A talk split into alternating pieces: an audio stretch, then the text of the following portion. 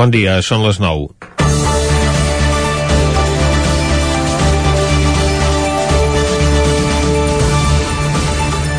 Les eleccions a la presidència dels Estats Units posen de manifest com quan les coses passen a l'altre cantó de l'Atlàntic que es veuen diferent de quan les tenim al costat mateix de casa.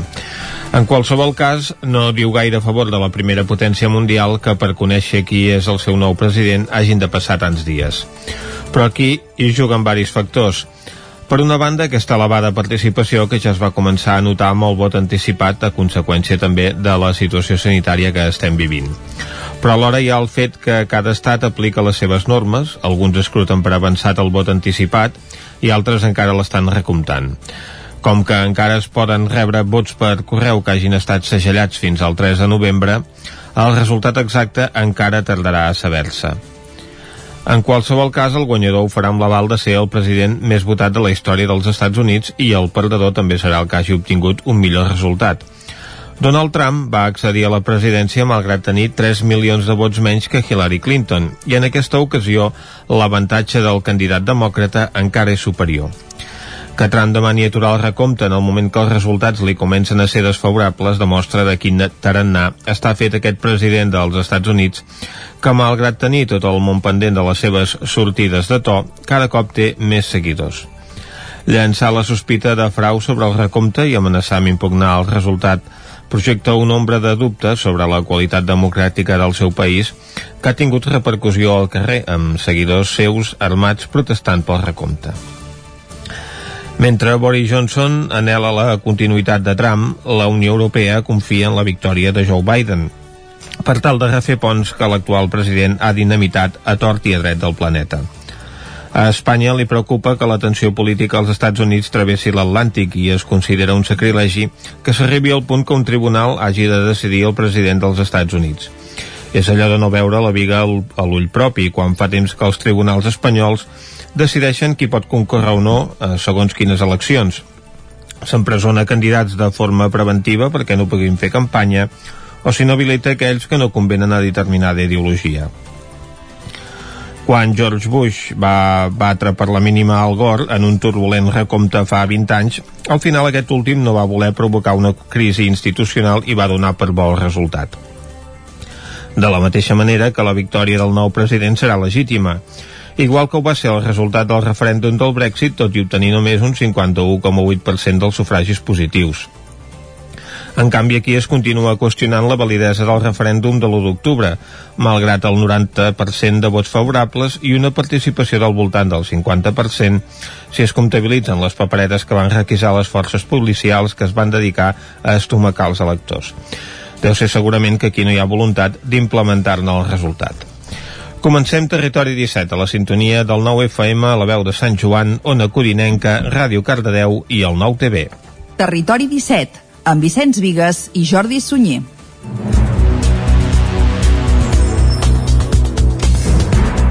Són les 9 i 3 minuts del divendres, dia 6 de novembre de 2020. Comença aquí un nou Territori 17 que avui, durant la primera hora, com sempre, us acostarà tota l'actualitat de les nostres comarques. Després, a partir de les 10, algunes de les seccions habituals. Avui, per exemple, coneixerem alguna novetat discogràfica d'àmbit nacional. Ja us alertem que tindrà a veure amb el Bisaure. Després passarem per la cuina a la foc lent. Avui parlarem del Ferrer de Tall de Vilanova de Sau. També repassarem l'agenda esportiva del cap de setmana pels principals equips del nostre territori i acabarem fent un repàs a l'agenda festiva, encara que sigui confinada, per aquest proper cap de setmana. Tot això i molt més des d'ara mateix i fins a les 12 del migdia. I com sempre, el que fem ara és arrencar tot posant-nos al dia fent un repàs a l'actualitat de les nostres comarques, les comarques del Ripollès, Osona, el Moianès i el Vallès Oriental.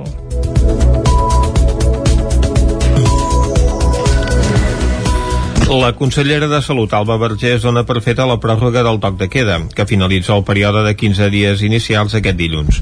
Ho va dir aquest dijous en una entrevista a Ràdio 4. Un espai que precisament la consellera va aprofitar per anunciar que el toc de queda s'allargaria 15 dies més.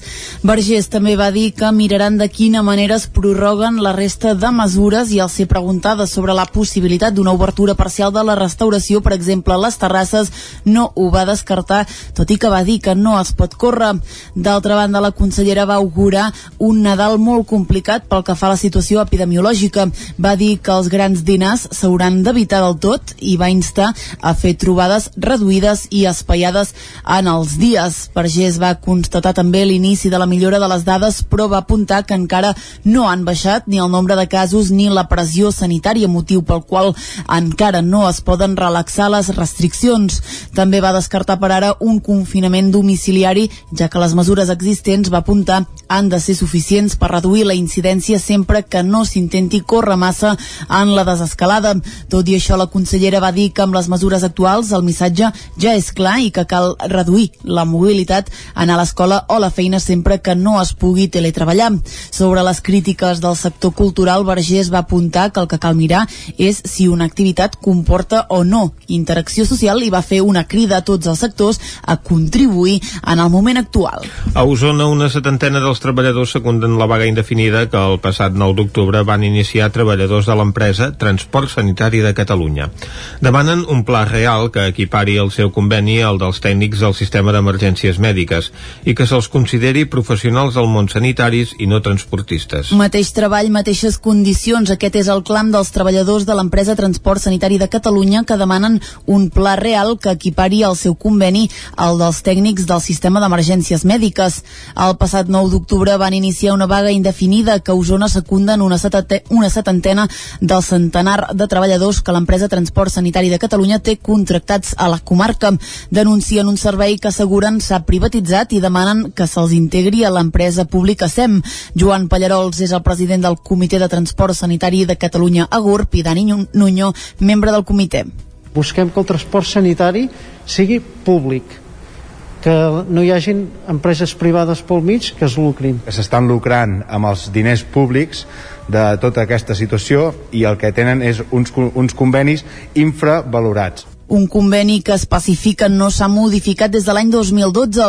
El detonant de la vaga, però, ha estat una retallada salarial amb caràcter retroactiu.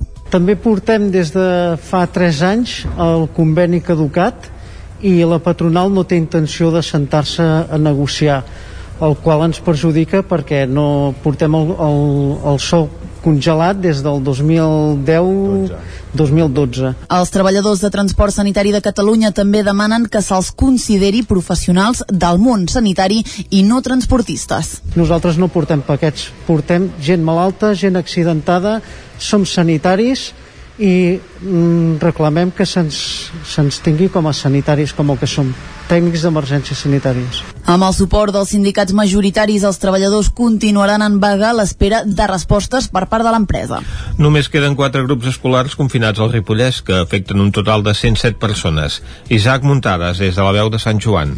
La situació escolar al Ripollès pel que fa a grups aïllats per coronavirus és força bona segons les dades del portal Traçacovid del Departament d'Educació de la Generalitat de Catalunya. Ara mateix només hi ha quatre classes confinades a tota la comarca que afecten un total de 107 persones, gairebé una trentena menys que el passat dimarts. El centre més afectat continua sent l'escola Doctor Robert de Camprodon, que té un grup aïllat amb 41 alumnes i un professor, a més de quatre casos positius confirmats en els darrers 10 dies. A Ripoll, l'escola Joan Maragall continua amb dues classes de tercer d'ESO confinades amb 31 alumnes i dos docents a casa. I novament, l'escola Badruna de Ripoll s'ha sumat a la llista amb una classe de sisè de primària que manté 29 alumnes i dos mestres en quarantena, tot i que s'espera que avui puguin tornar a fer classe presencial. En canvi, a Ripoll, Ribes de Freser i Sant Pau de Segúries també hi ha bones notícies perquè ja no queden persones aïllades als Salesians, a l'Institut Escola de Ribes i a l'escola Els Pinets Air Vall del Ter de Sant Pau respectivament, tot i que en els centres escolars de Sant Pau i Ripoll encara registren un positiu en els darrers 10 dies, els mateixos que hi ha a l'escola Tomàs Reguer de Ripoll, que també compta amb un professor aïllat, i a l'escola Pirineu de Camp de Bànol. Cal recordar que al llarg de tota aquesta setmana l'empresa ripollesa usonenca Sodeca ha fet entrega d'uns 20-25 purificadors d'aire a totes les escoles i llars d'infants del Ripollès perquè puguin ventilar les aules dels centres escolars. Vic vol estimular i reactivar la contractació a les empreses a les portes de la campanya nadalenca.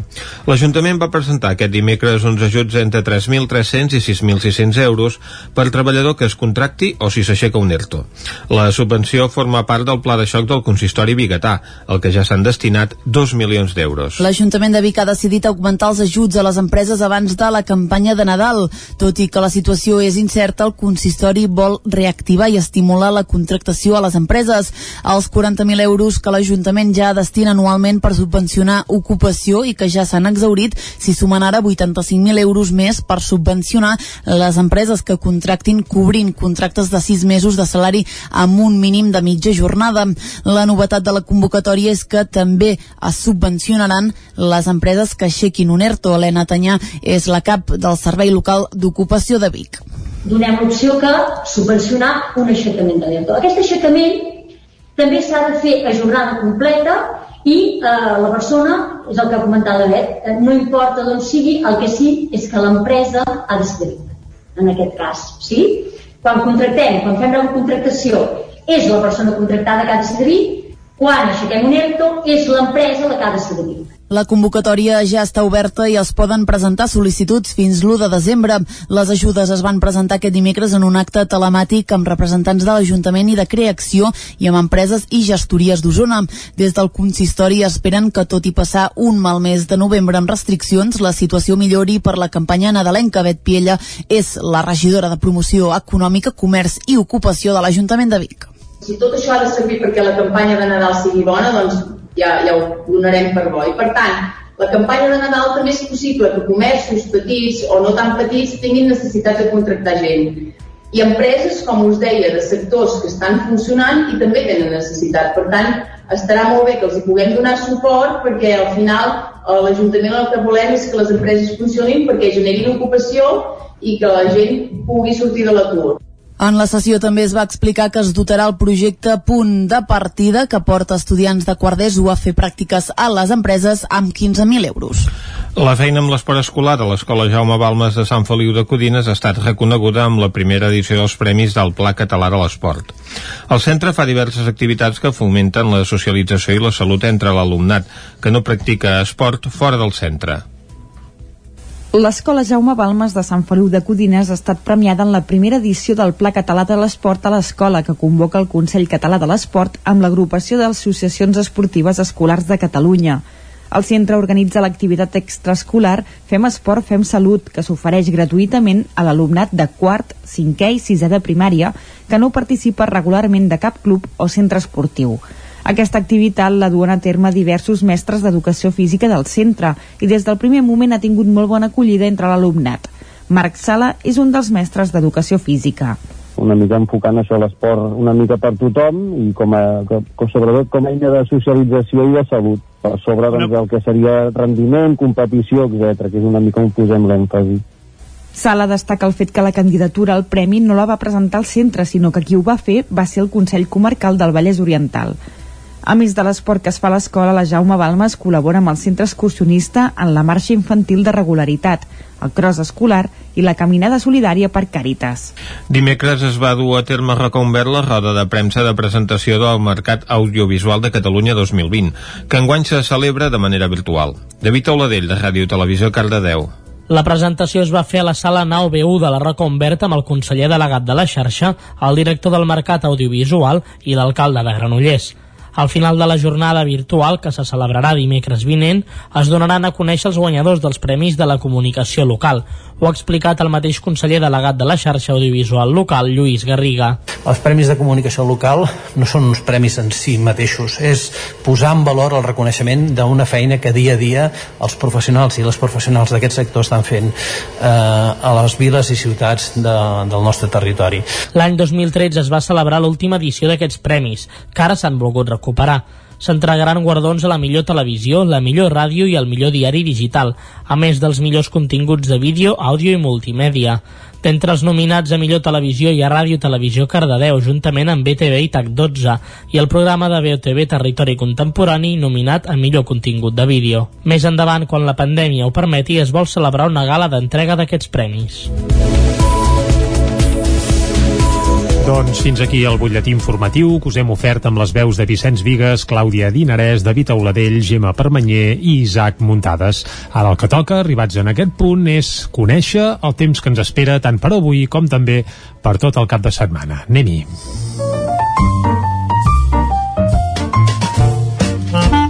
Casa Terradellos us ofereix el temps. I qui ens aclarirà el temps que tindrem tant avui com també dissabte i diumenge, evidentment, és el Pep Acosta, a qui ja saludem ara mateix. Bon dia, Pep.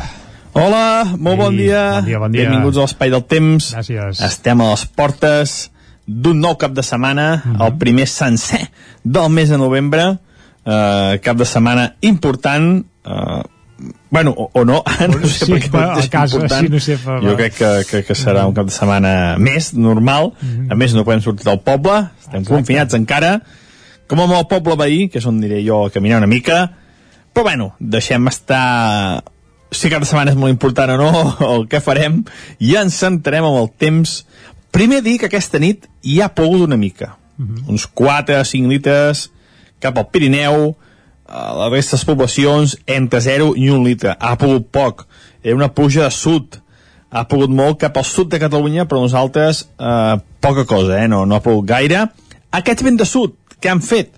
doncs han fet que la temperatura pugés. Estem per sobre els 10 graus a gairebé totes les poblacions. Aquesta nit no ha fet gens de fred. I ara mateix està una mica tapat encara, però hi ha bastantes clarianes. Aquestes clarianes duraran gairebé fins a la tarda. I és que aquest cap de setmana tindrem de tot. Uh, fins a la tarda clarianes, unes temperatures màximes entre 15 i 20 graus i de cara a la nit es començarà a tapar. Es començarà a tapar i cada vegada més tapat. Avui ha quedat clar, eh? Avui divendres. Sí, sí, avui Clarianes ja tenim, ja fins a mitja tarda o finals de la tarda i unes temperatures força suaus, de 15 a 20 graus. Aquesta nit, ràpidament, es començarà a tapar i ens creurà un front també de procedència de sud.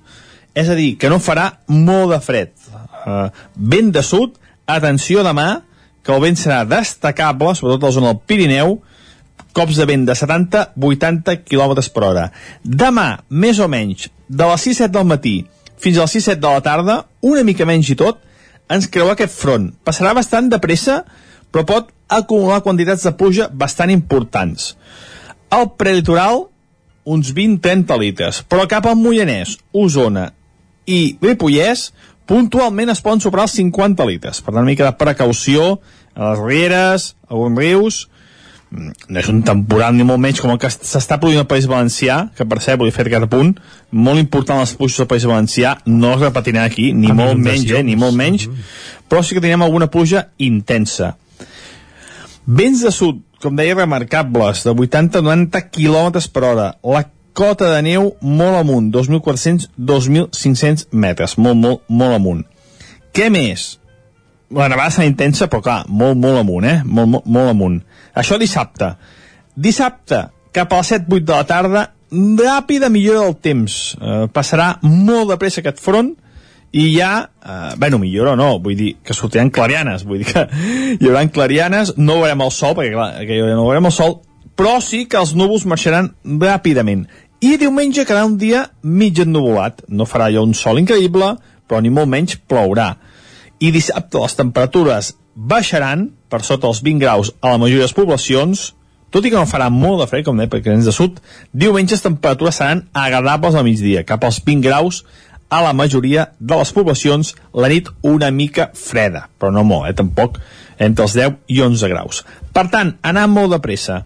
Avui, sol i núvols, mm, ambient mig ennuvolat fins a mitja tarda, que després ràpidament s'ennuvolarà, Demà dissabte plourà més o menys de les 8 del matí fins a les 8 del vespre Carai. i diumenge ja serà un dia amb forces clarianes i ambient suau. Ja veieu que tindrem de tot aquest cap de setmana. Mm. El més destacable, la pluja de demà, alguns jocs superiors a 50 litres, i els cops de vent de demà, superiors als 80-90 km per hora. A disfrutar d'aquest cap de setmana, que com veieu tindrem de tot mm -hmm. pel que fa el temps. Moltes gràcies, adeu. Vinga, moltes gràcies, Pep, i Vicenç, prenem nota, eh? Demà de les 8 del matí a les 8 del vespre es veu que plourà. Ens hem de quedar a casa, vaja. Si hem d'anar a fer el vol Ja és pel, mala costat, sort, eh? pel costat de casa, millor que ens guardem el diumenge. Molt bé, fet aquest apunt, eh, on ara anirem a fer un vol és cap al quiosc. Anem-hi. Casa Tarradellas us ha ofert aquest espai. Territori 17. Envia'ns les teves notes de veu per WhatsApp al 646 079 023. 646 079 023. WhatsApp Territori 17.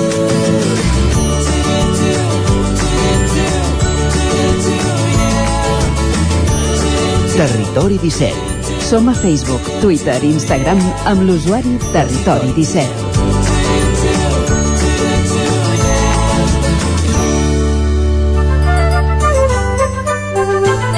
Anem, doncs, cap al quiosc, on avui també hi trobarem una mica de tot i comencem aquest recorregut amb les portades del 9-9, Clàudia. Bon dia de nou, si comencem amb l'edició d'Osona i el Ripollès que diu el ritme de contagi a Osona afluixa però empitjora la situació als hospitals. A Roda un brot afecta 36 persones a la residència i l'Institut Miquel Martí i Pol només ha tingut un dels 20 grups al centre. A la imatge hi veiem a Jaume Mata, diu va entrar a treballar a la fàbrica de cable de Manlleu fa 35 anys. President del comitè d'empresa assegura que el tancament de la planta de Prismian a Manlleu té una repercussió que va més enllà dels treballadors que es quedaran sense feina. Més coses, Vic demana a DIF que l'aparcament de l'estació sigui d'ús exclusiu dels usuaris de transport públic i Call d'Atenes vol incorporar la figura d'un vigilant municipal. Anem a l'edició del Vallès Oriental que diu els escolars contagiats al Vallès Oriental no arriben a 500, el 0,7% del total d'alumnes. Els centres educatius continuen sent zones segures en plena segona onada del virus. Uh, més coses de l'edició del Vallès, més de 220 ingressats per Covid als hospitals, 30 dels quals a les unitats de cures intensives i un grup de Sant Pere atura unes obres que afecten masies històriques. Continuem amb les eh, portades de la premsa catalana. Uh, comencem, com sempre, amb el punt avui que diu 15 dies més. El govern optarà per prorrogar el confinament nocturn i de cap de setmana i Salut avisa que cal consolidar la baixada abans d'aixecar les restriccions. A la imatge hi veiem a Joe Biden, diu president amb comptagotes lent a escrutini per fer vencedor a Biden. Uh, també veiem crítiques dels docents a vigilar els autotests. Avui entrevisten a Carles Riera, diputat i portaveu de la CUP, eh, que diu som qui paga pitjor als sanitaris i més car al llit privat. També diu jutgen el jove detingut a Madrid en la protesta dels presos. El diari Ara Biden a tocar de la presidència, el candidat demòcrata carona la victòria pendent del recompte en estats com Nevada o Arizona. Els jutges rebutgen les primeres demandes dels republicans per frenar l'escrutini electoral. Aquí ja parlen de Nadal Nadal, que diu en grups reduïts i cavalcada des del balcó. El govern ja preveu allargar el toc de queda i minimitzar les festes. Més coses, el virus porta Dinamarca a sacrificar 17 milions de bisons. Són portadors d'una mutació perjudicial pels humans i Brussel·les enfonsa la previsió pel PIB espanyol. El periòdico Biden a un pas, el demòcrata amplia l'avantatge en l'agònic comptatge i Trump carrega contra la democràcia. El republicà exigeix aturar el recompte i acusa sense proves de frau al seu adversari. A la imatge diu actors en dificultats, voluntaris subministren aliments a treballadors de l'espectacle arruïnats per la pandèmia. En política, Ciutadans apuntala els comptes de Sánchez que espera l'aval d'Esquerra Republicana. Brussel·les agreuja les previsions econòmiques d'Espanya i, com dèiem, 15 dies més de toc de queda a Catalunya. Anem a l'avantguàrdia que diu Biden s'apropa a la victòria mentre Trump denuncia frau electoral. El demòcrata lidera Arizona i Nevada i té moltes opcions a Pensilvània i també a Geòrgia. A la imatge hi veiem a seguidors de Trump que criden consignes i piquen els vidres d'un local de Detroit on diu s'estan comptant pots. Més coses, Brussel·les pronostica que l'economia espanyola serà la més castigada d'Europa. La Unió Europea podria suspendre el fons Covid a països amb polítiques autoritàries i alerta perquè eh, a Barcelona hi ha una nova il·luminació. Diu Barcelona brillarà més aquest Nadal. No sé si farà gaire gràcia aquesta notícia. Doncs eh, la veritat és que és un dels temes eh, polèmics d'aquestes festes, si cal o no cal en aquesta situació sanitària que vivim, doncs fer aquest dispendi en l'enllumenat de Nadal. Anem uh, de Barcelona a Madrid Exactament. allà també deuran il·luminar els carrers perquè ja hi havia l'any passat una competició a veure qui posava més llums anem a veure en què ens il·lumina la premsa madrilenya Comencem, com sempre, amb el país que parla de la cursa cap a la Casa Blanca. Diu Biden, a un pas de la victòria, el demòcrata pendent de confirmar la seva majoria en els estats en disputa. Donald Trump insisteix en detenir el recompte i prepara una onada d'impugnacions. Pel que fa al coronavirus, més de 20.000 persones grans van morir en residències durant la primera onada. A Espanya, Pedro Sánchez aconsegueix una àmplia majoria per tramitar els pressupostos i una comissió del govern alerta vigilarà el que consideri desinformació. Un titular que a partir d'ara obre pràcticament totes les portades espanyoles. Anem al Mundo que diu Moncloa acobardeix a la premsa amb un comitè de la veritat. Uh, pel que fa als Estats Units, diu Biden segueix guanyant terreny a Trump en un extenuant recompte. A la imatge hi veiem votants un altre cop de Donald Trump protestant ahir demanant doncs, que esperés un escrutini en un col·legi electoral de Detroit, a l'estat de Michigan. El, en política espanyola, PSOE i Esquerra consumen l'expulsió de l'espanyol com a llengua oficial als col·legis i Brussel·les situa Espanya com la pitjor economia de la Unió Europea l'any 2020. Anem acabant, anem a la raó que diu govern crea un ministeri de la veritat per vigilar als mitjans. La Fiscalia del Suprem, canviem de tema, no veu clar investigar a Pablo Iglesias pel cas Dina.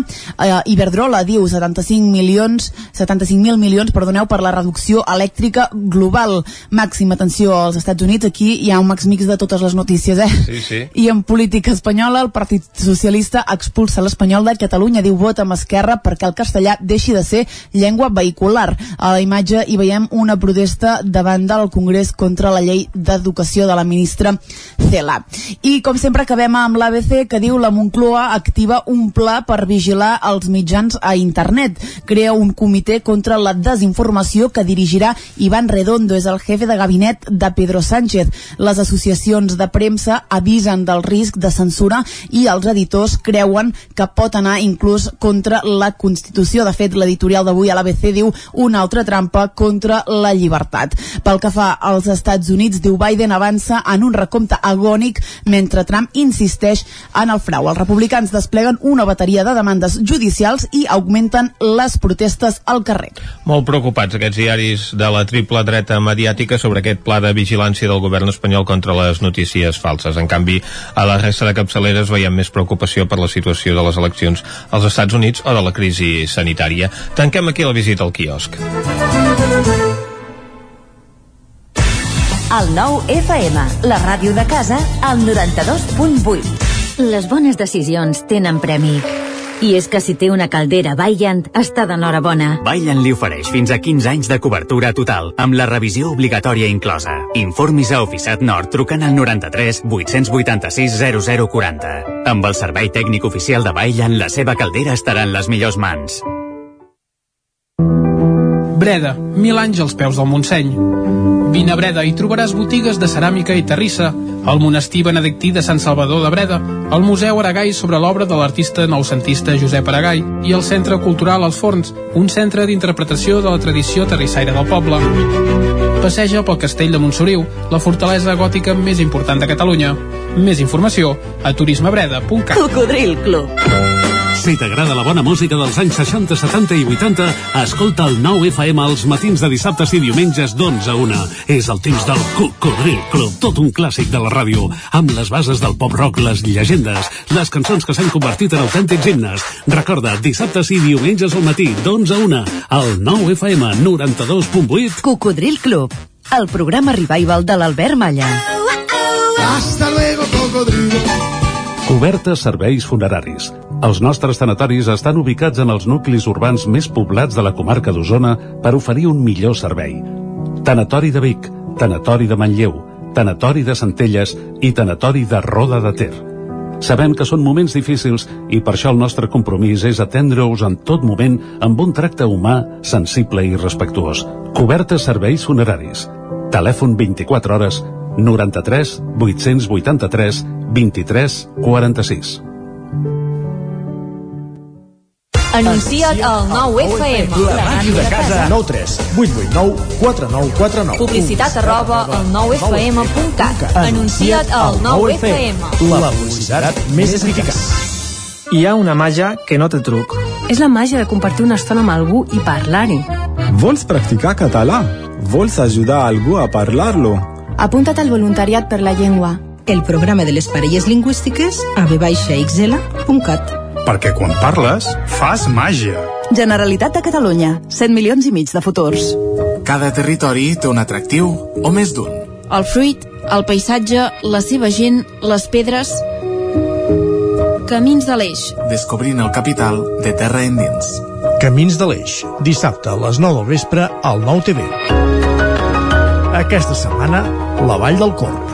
Amb el suport de la Generalitat de Catalunya. 7 milions i mig de futurs. El 9 FM, el 9 FM, el 9 FM, el 9 FM. Territori 17, amb Vicenç Vigues i Jordi Sunyer.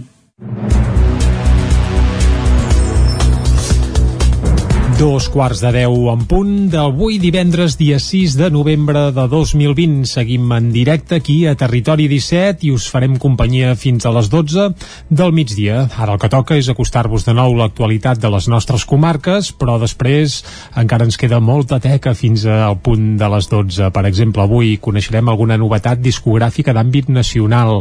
També anirem a la Foc Lent a parlar de cuina i avui ho farem parlant del Ferrer de Tall de Vilanova de Sau repassarem l'agenda esportiva dels equips del nostre territori per aquest cap de setmana i acabarem fent un repàs a l'agenda eh, festiva, bé, festiva o confinada, per aquest proper cap de setmana. Un cap de setmana que ja ens han avançat que serà remullat dissabte i amb més bonança el diumenge. Per tant, si heu de fer plans, tingueu en compte la meteorologia. I ara el que ens toca és acostar-vos de nou l'actualitat, com sempre fem, de les nostres comarques. Ja ho sabeu, les comarques del Ripollès, Osona, el Moianès i el Vallès Oriental.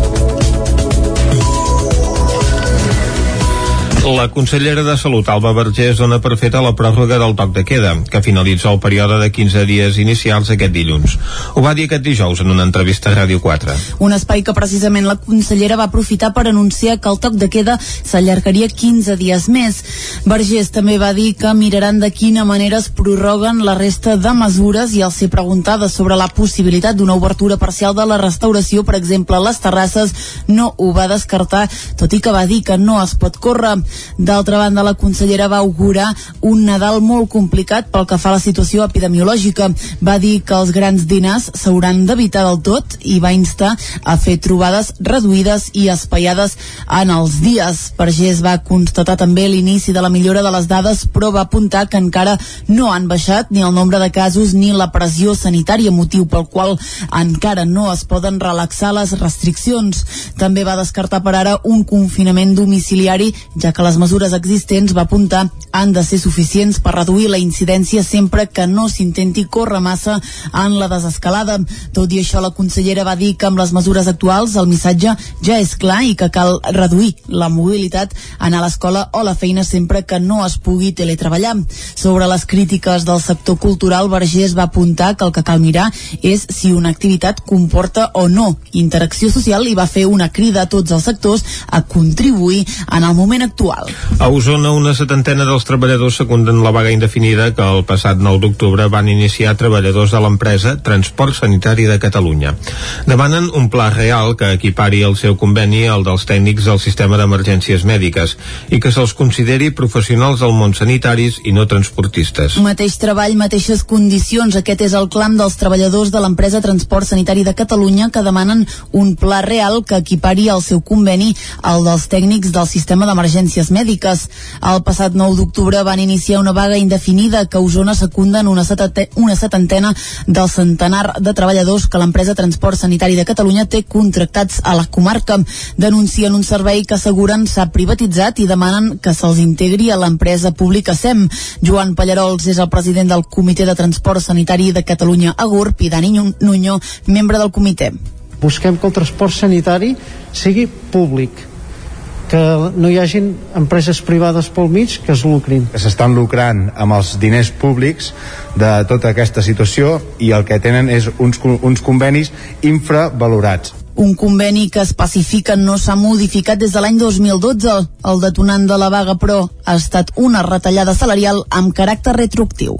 També portem des de fa 3 anys el conveni caducat i la patronal no té intenció de sentar-se a negociar el qual ens perjudica perquè no portem el, el, el sou congelat des del 2010-2012. Els treballadors de transport sanitari de Catalunya també demanen que se'ls consideri professionals del món sanitari i no transportistes. Nosaltres no portem paquets, portem gent malalta, gent accidentada, som sanitaris i mm, reclamem que se'ns se tingui com a sanitaris com el que som, tècnics d'emergències sanitàries. Amb el suport dels sindicats majoritaris, els treballadors continuaran en vaga a l'espera de respostes per part de l'empresa.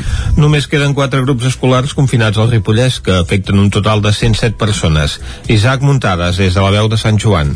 La situació escolar al Ripollès pel que fa a grups aïllats per coronavirus és força bona segons les dades del portal Traçacovid del Departament d'Educació de la Generalitat de Catalunya. Ara mateix només hi ha quatre classes confinades a tota la comarca que afecten un total de 107 persones, gairebé una trentena menys que el passat dimarts. El centre més afectat continua sent l'Escola Doctor Robert de Camprodon, que té un grup aïllat amb 41 alumnes i un professor, a més de quatre casos positius confirmats en els darrers 10 dies. A Ripoll, l'Escola Joan Maragall continua amb dues classes de tercer d'ESO confinades amb 31 alumnes i dos els docents a casa. I novament, l'Escola Badruna de Ripoll s'ha sumat a la llista amb una classe de sisè de primària que manté 29 alumnes i dos mestres en quarantena, tot i que s'espera que avui puguin tornar a fer classe presencial. En canvi, a Ripoll, Ribes de Freser i Sant Pau de Segúries també hi ha bones notícies perquè ja no queden persones aïllades als Salesians, a l'Institut Escola de Ribes i a l'Escola Els Pinets Air Vall del Ter de Sant Pau respectivament, tot i que en els centres escolars de Sant Pau i Ripoll encara registren un positiu en els darrers 10 dies, els mateixos que hi ha a l'Escola Tomàs Reguer de Ripoll, que també compta amb un professor aïllat, i a l'Escola Pirineu de Camp de Bànol. Cal recordar que al llarg de tota aquesta setmana l'empresa ripollesa usonenca Sodeca ha fet entrega d'uns 20-25 purificadors d'aire a totes les escoles i llars d'infants del Ripollès perquè puguin ventilar les aules dels centres escolars. Vic vol estimular i reactivar la contractació a les empreses a les portes de la campanya nadalenca.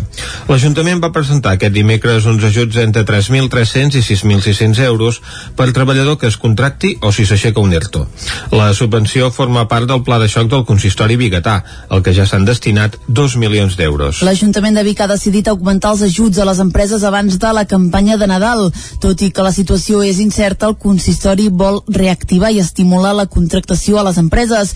Els 40.000 euros que l'Ajuntament ja destina anualment per subvencionar ocupació i que ja s'han exaurit, s'hi sumen ara 85.000 euros més per subvencionar les empreses que contractin cobrint contractes de 6 mesos de salari amb un mínim de mitja jornada. La novetat de la convocatòria és que també es subvencionaran les empreses que aixequin un ERTO. Helena Tanyà és la cap del Servei Local d'Ocupació de Vic. Donem l'opció que subvencionar un aixecament de l'ERTO. Aquest aixecament també s'ha de fer a jornada completa i eh, la persona, és el que ha comentat la Bet, eh, no importa d'on sigui, el que sí és que l'empresa ha de ser en aquest cas, sí? Quan contractem, quan fem la contractació, és la persona contractada que ha de cedir quan aixequem un ERTO és l'empresa la que ha de cedir. La convocatòria ja està oberta i es poden presentar sol·licituds fins l'1 de desembre. Les ajudes es van presentar aquest dimecres en un acte telemàtic amb representants de l'Ajuntament i de Creacció i amb empreses i gestories d'Osona. Des del consistori esperen que tot i passar un mal mes de novembre amb restriccions, la situació millori per la campanya nadalenca. Bet Piella és la regidora de Promoció Econòmica, Comerç i Ocupació de l'Ajuntament de Vic. Si tot això ha de servir perquè la campanya de Nadal sigui bona, doncs ja, ja ho donarem per bo. I per tant, la campanya de Nadal també és possible que comerços petits o no tan petits tinguin necessitat de contractar gent. I empreses, com us deia, de sectors que estan funcionant i també tenen necessitat. Per tant, estarà molt bé que els hi puguem donar suport perquè al final a l'Ajuntament el que volem és que les empreses funcionin perquè generin ocupació i que la gent pugui sortir de l'atur. En la sessió també es va explicar que es dotarà el projecte Punt de Partida que porta estudiants de quart d'ESO a fer pràctiques a les empreses amb 15.000 euros. La feina amb l'esport escolar a l'Escola Jaume Balmes de Sant Feliu de Codines ha estat reconeguda amb la primera edició dels Premis del Pla Català de l'Esport. El centre fa diverses activitats que fomenten la socialització i la salut entre l'alumnat que no practica esport fora del centre. L'Escola Jaume Balmes de Sant Feliu de Codines ha estat premiada en la primera edició del Pla Català de l'Esport a l'escola que convoca el Consell Català de l'Esport amb l'agrupació d'associacions esportives escolars de Catalunya.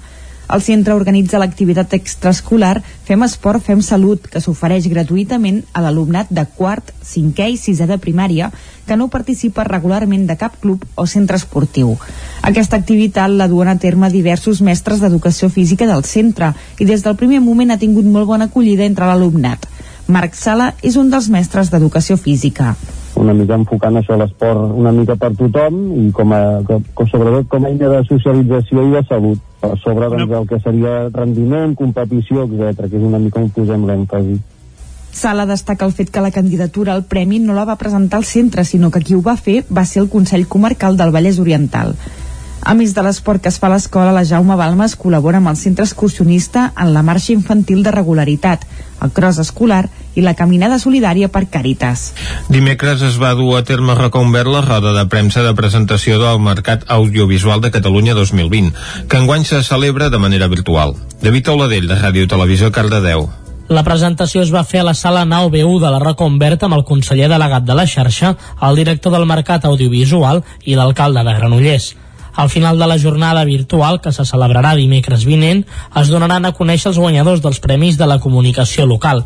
Ho ha explicat el mateix conseller delegat de la xarxa audiovisual local, Lluís Garriga. Els Premis de Comunicació Local no són uns premis en si mateixos, és posar en valor el reconeixement d'una feina que dia a dia els professionals i les professionals d'aquest sector estan fent eh, a les viles i ciutats de, del nostre territori. L'any 2013 es va celebrar l'última edició d'aquests premis, que ara s'han volgut recuperar recuperar. S'entregaran guardons a la millor televisió, la millor ràdio i el millor diari digital, a més dels millors continguts de vídeo, àudio i multimèdia.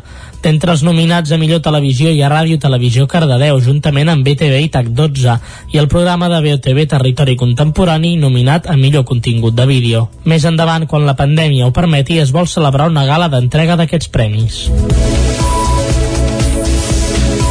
Doncs fins aquí el butlletí informatiu que us hem ofert amb les veus de Vicenç Vigues, Clàudia Dinarès, David Auladell, Gemma Permanyer i Isaac Muntades. Ara el que toca, arribats en aquest punt, és conèixer el temps que ens espera tant per avui com també per tot el cap de setmana. Anem-hi.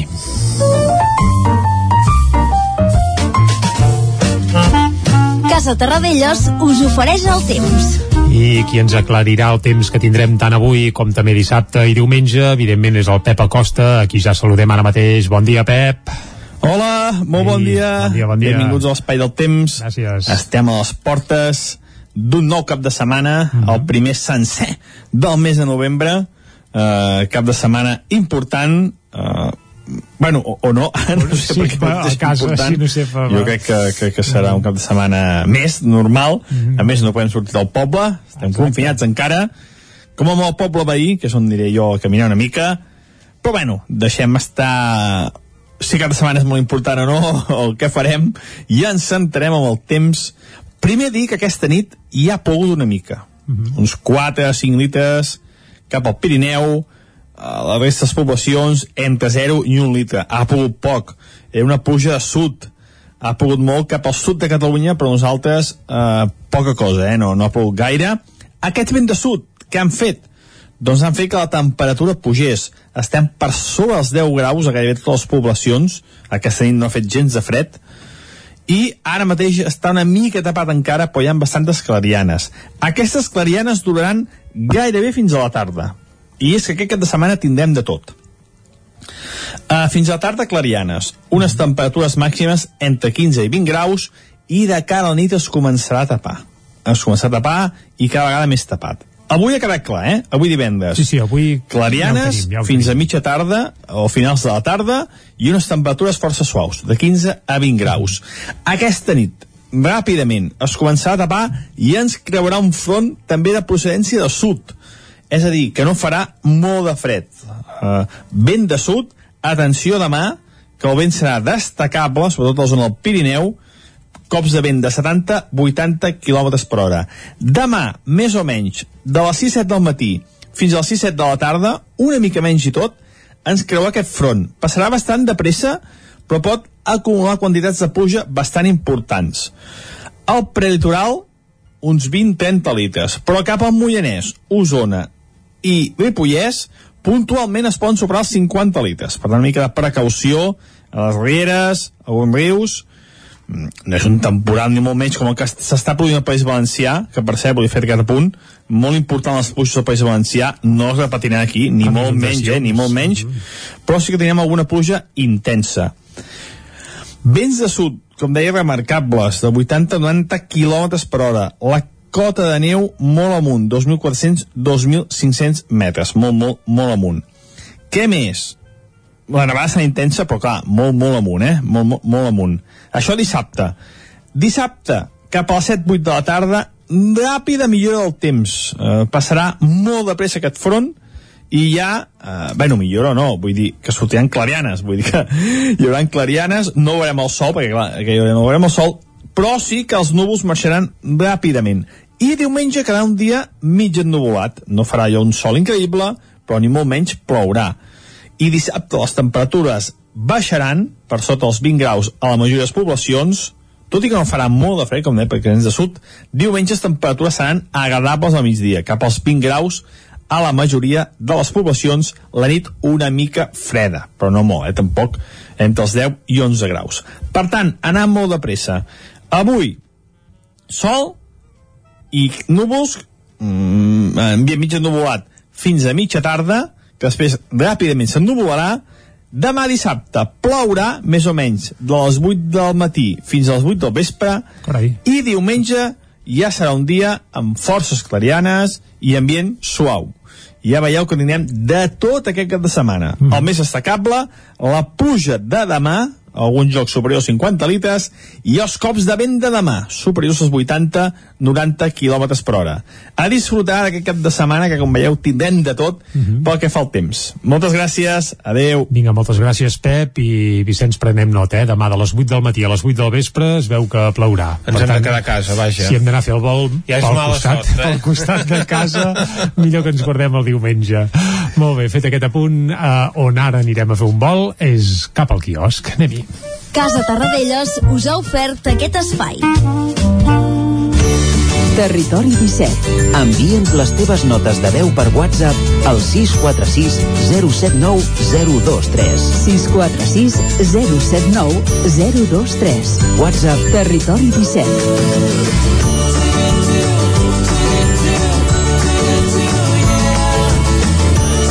Territori 17. Som a Facebook, Twitter i Instagram amb l'usuari Territori 17.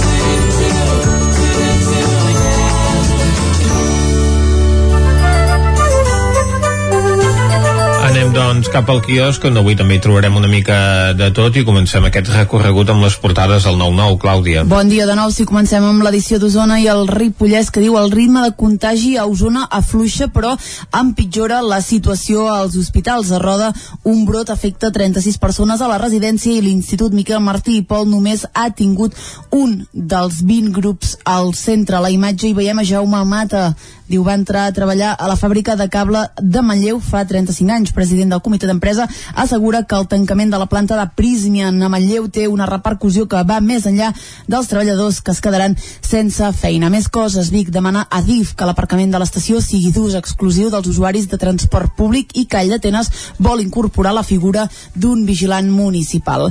Anem a l'edició del Vallès Oriental que diu els escolars contagiats al Vallès Oriental no arriben a 500, el 0,7% del total d'alumnes. Els centres educatius continuen sent zones segures en plena segona onada del virus.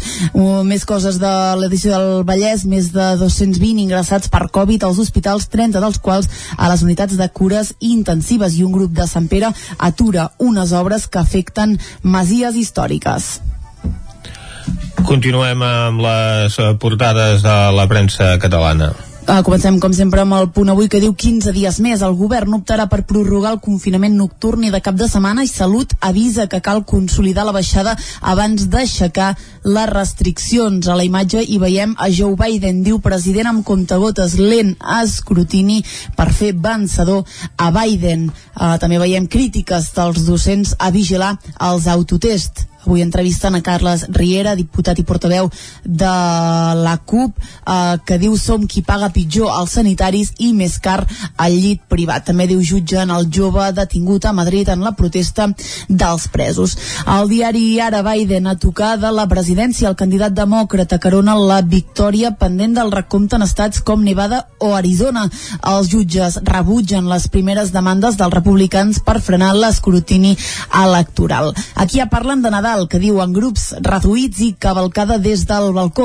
El govern ja preveu allargar el toc de queda i minimitzar les festes. Més coses, el virus porta Dinamarca a sacrificar 17 milions de bisons. Són portadors d'una mutació perjudicial pels humans i Brussel·les enfonsa la previsió pel PIB espanyol. El periòdico Biden a un pas, el demòcrata amplia l'avantatge en l'agònic comptatge i Trump carrega contra la democràcia. El republicà exigeix aturar el recompte i acusa sense proves de frau al seu adversari. A la imatge diu actors en dificultats, voluntaris subministren aliments a treballadors de l'espectacle arruïnats per la pandèmia. En política, Ciutadans apuntala els comptes de Sánchez que espera l'aval d'Esquerra Republicana. Brussel·les agreuja les previsions econòmiques dels Espanya i, com dèiem, 15 dies més de toc de queda a Catalunya. Anem a l'avantguàrdia que diu Biden s'apropa a la victòria mentre Trump denuncia frau electoral. El demòcrata lidera Arizona i Nevada i té moltes opcions a Pensilvània i també a Geòrgia. A la imatge hi veiem a seguidors de Trump que criden consignes i piquen els vidres d'un local de Detroit on diu s'estan comptant pots. Més coses, Brussel·les pronostica que l'economia espanyola serà la més castigada d'Europa.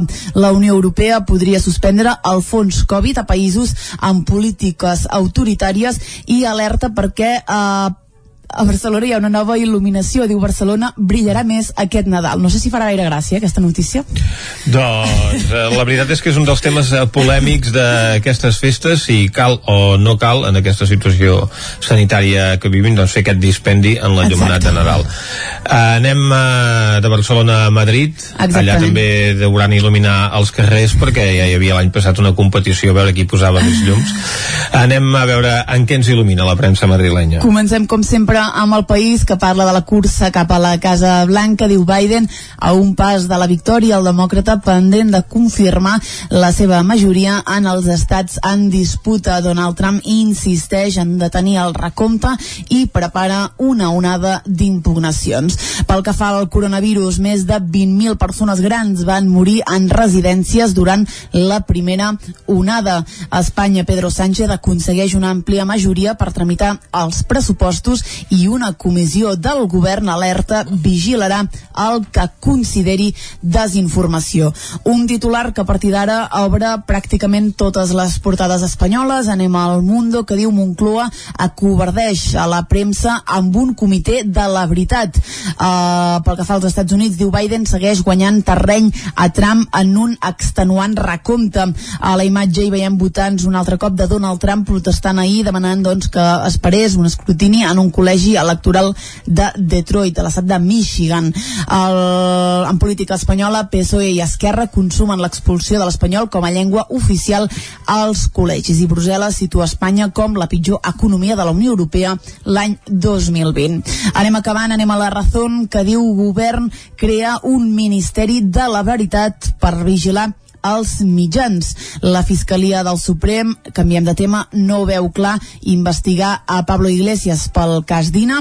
Eh, Iberdrola diu 75 milions 75.000 milions, perdoneu, per la reducció elèctrica global. Màxima atenció als Estats Units, aquí hi ha un max mix de totes les notícies, eh? Sí, sí. I en política espanyola, el Partit Socialista expulsa l'espanyol de Catalunya, diu vot amb Esquerra perquè el castellà deixi de ser llengua vehicular. A la imatge hi veiem una protesta davant del Congrés contra la llei d'educació de la ministra Cela. I com sempre acabem amb l'ABC que diu la Moncloa activa un pla per vigilar els mitjans a internet. Crea un comitè contra la desinformació que dirigirà Ivan Redondo, és el jefe de gabinet de Pedro Sánchez. Les associacions de premsa avisen del risc de censura i els editors creuen que pot anar inclús contra la Constitució. De fet, l'editorial d'avui a l'ABC diu una altra trampa contra la llibertat. Pel que fa als Estats Units, diu Biden avança en un recompte agònic mentre Trump insisteix en el frau. Els republicans despleguen una bateria de demandes judicials i augmenten les protestes al carrer. Molt preocupats aquests diaris de la triple dreta mediàtica sobre aquest pla de vigilància del govern espanyol contra les notícies falses. En canvi, a la resta de capçaleres veiem més preocupació per la situació de les eleccions als Estats Units o de la crisi sanitària. Tanquem aquí la visita al quiosc. Doncs vinga, tanquem, Vicenç, la visita al quiosc, eh, remarcant que ja que parlàvem de notícies falses, on no n'hi ha mai és aquí a Territori 17.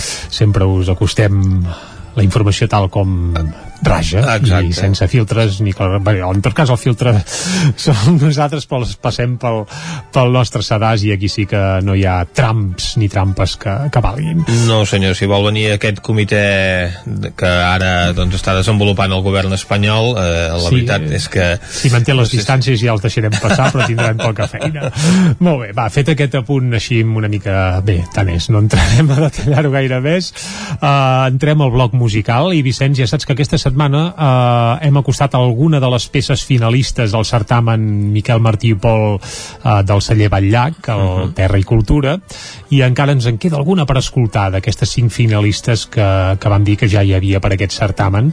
I si et sembla, uh, el que farem ara és escoltar-ne una altra d'aquestes peces finalistes, és una que es diu Mort Petita.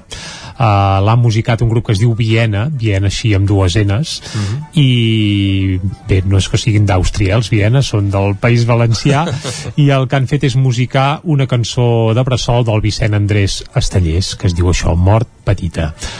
Escoltem un fragment Oh, i tant. i després encara n'escoltarem un altre d'un to totalment diferent, ja veureu. Ara Mort Petita dels Viena.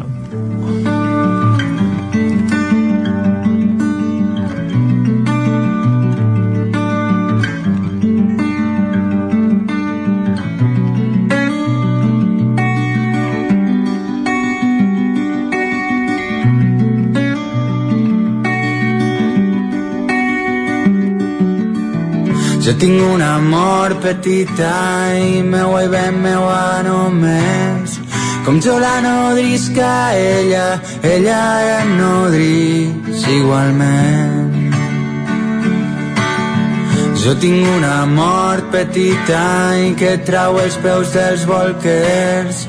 Només tinc la meua mort i no necessite res. És la meua ama i és l'ama del corral i del carrer, de la figuera i la parra i la flor del taronger.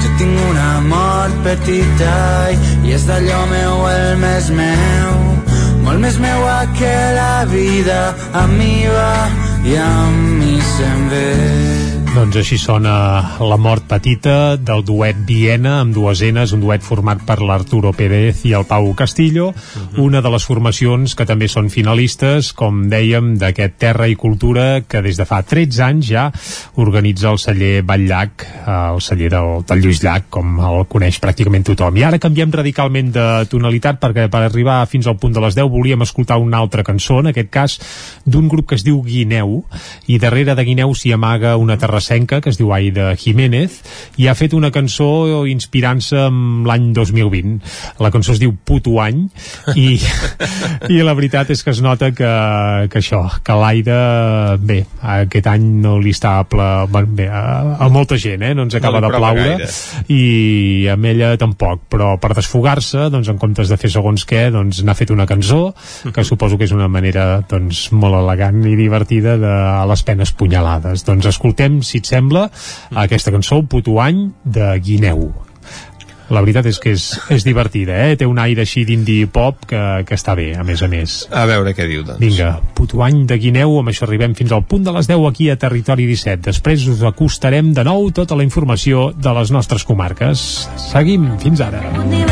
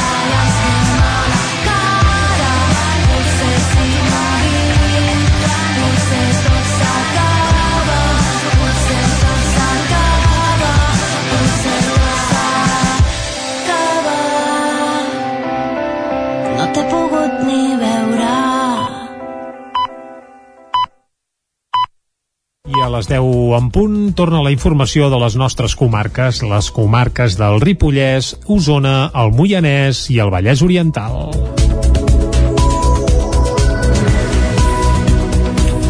Gimnasos, restaurants i centres d'estètica protesten a la plaça Major de Vic i reclamen poder reobrir. Una quarantena de persones vinculades a gimnasos, restaurants i centres d'estètica de la comarca d'Osona es van concentrar aquest dijous a la tarda a la plaça Major de Vic, amb diverses pancartes amb lemes com els gimnasos i l'hostaleria no som el virus o som part de la solució, van fer sonar xiulets i botzines, llançar petards i van cridar proclames reclamant menys impostos i més ajudes als seus sectors. També cridaven consignes com volem treballar i van demanar a les persones que passaven per la plaça que s'unissin a la protesta. Camprodon congela les ordenances amb el vot en contra de l'oposició perquè pensen que alguns impostos, com l'IBI i taxes, es podrien haver rebaixat. Isaac Muntades, des de la veu de Sant Joan. L'Ajuntament de Camprodon va aprovar les ordenances fiscals per l'any 2021 amb el vistiplau de l'equip de govern de Tots per Camprodon i el vot en contra de Més Camprodon Esquerra Republicana de Catalunya. L'aposta dels socialistes va ser la de congelar les ordenances, però no van convèncer els republicans. El regidor d'Esquerra, Xavier Juncà, va esgrimir dos motius per no donar-hi suport. Escoltem-ne el primer. d'on venim i amb això fem referència a les ordenances aprovades a finals del 2019 que van nodrir els efectes impositius cobrats el 2020. Nosaltres ja vam votar en contra perquè hi havia un increment amb uns serveis que entenem bastant sensibles, en aquest cas aigua, residus, i a més a més hi havia un increment d'IBI, tot i que l'alcalde va manifestar diverses vegades que això no era així. Nosaltres ara, un cop passat el temps, ja ho vàrem avisar que això passaria, però ara a més a més ha passat el període de cobrament, s'han cobrat ja uns IBIs, unes parts d'ells, i podem constatar que evidentment hi ha hagut un increment d'IBI. Jo he agafat l'IBI de casa meva, he comparat el mateix IBI d'un any a l'altre, i, i el que m'han acabat cobrant l'Ajuntament de Camprodon puja un 3%. Junca va apuntar que tot el que havia pujat l'any passat quedava igual i que si l'Estat decidia incrementar l'IBI pel coeficient cadastral tornaria a pujar. Així va contestar-li l'alcalde Xavier Guitart. Entenem que l'Estat serà coherent i serà correcte amb el que ens ha manifestat en diverses reunions que hem pogut tenir amb diferents representants i bueno, entenem que, el congelarà i per tant aquesta és la nostra manera de pensar que és congelar-lo i no pujar-lo. Evidentment si, si per alguna cosa l'Estat no fes el que, el que ens ha manifestat, possiblement o, o no, ja es veurà, prendríem les les mesures que pertoquessin. Les escombraries a nosaltres ens han condicionat molt el nostre pressupost, ens han condicionat molt la nostra legislatura i jo crec que una mala gestió que, que haurem d'anar pagant tots els que hi som i els que anirem vinguent darrere perquè això anirà per llarg i evidentment eh, la pujada contra cor i contra cor de l'equip de govern es va haver de fer i no, no hi ha res a dir. El segon motiu per votar-hi en contra que van argumentar els republicans va ser pel fet que enmig de la pandèmia del coronavirus creien que algunes taxes o impostos s'haurien hagut de rebaixar o acompanyar-les de bonificacions i subvencions. Juncar va admetre que s'havia aplicat una bateria de mesures als mesos d'ús del confinament, però per ell no eren suficients. Guitar va respondre-li que quan parlin de pressupostos ja ho discutiran. Caldés està a l'espera de la firma entre la Mancomunitat del Bages per al sanejament i l'Agència Catalana de l'Aigua per començar les obres de la depuradora del municipi. Jordi Givert, dona Codinenca. Caldés espera veure començar l'execució de les obres de la depuradora i els nous col·lectors d'aigua del poble el 2021. De fet, el pressupost de la construcció ja està aprovat i s'han expropiat les terres necessàries per fer-les. D'aquesta manera, Caldés s'adequaria a la normativa vigent per la qual se li requereix tenir una depuradora, infraestructura que fins ara no ha tingut.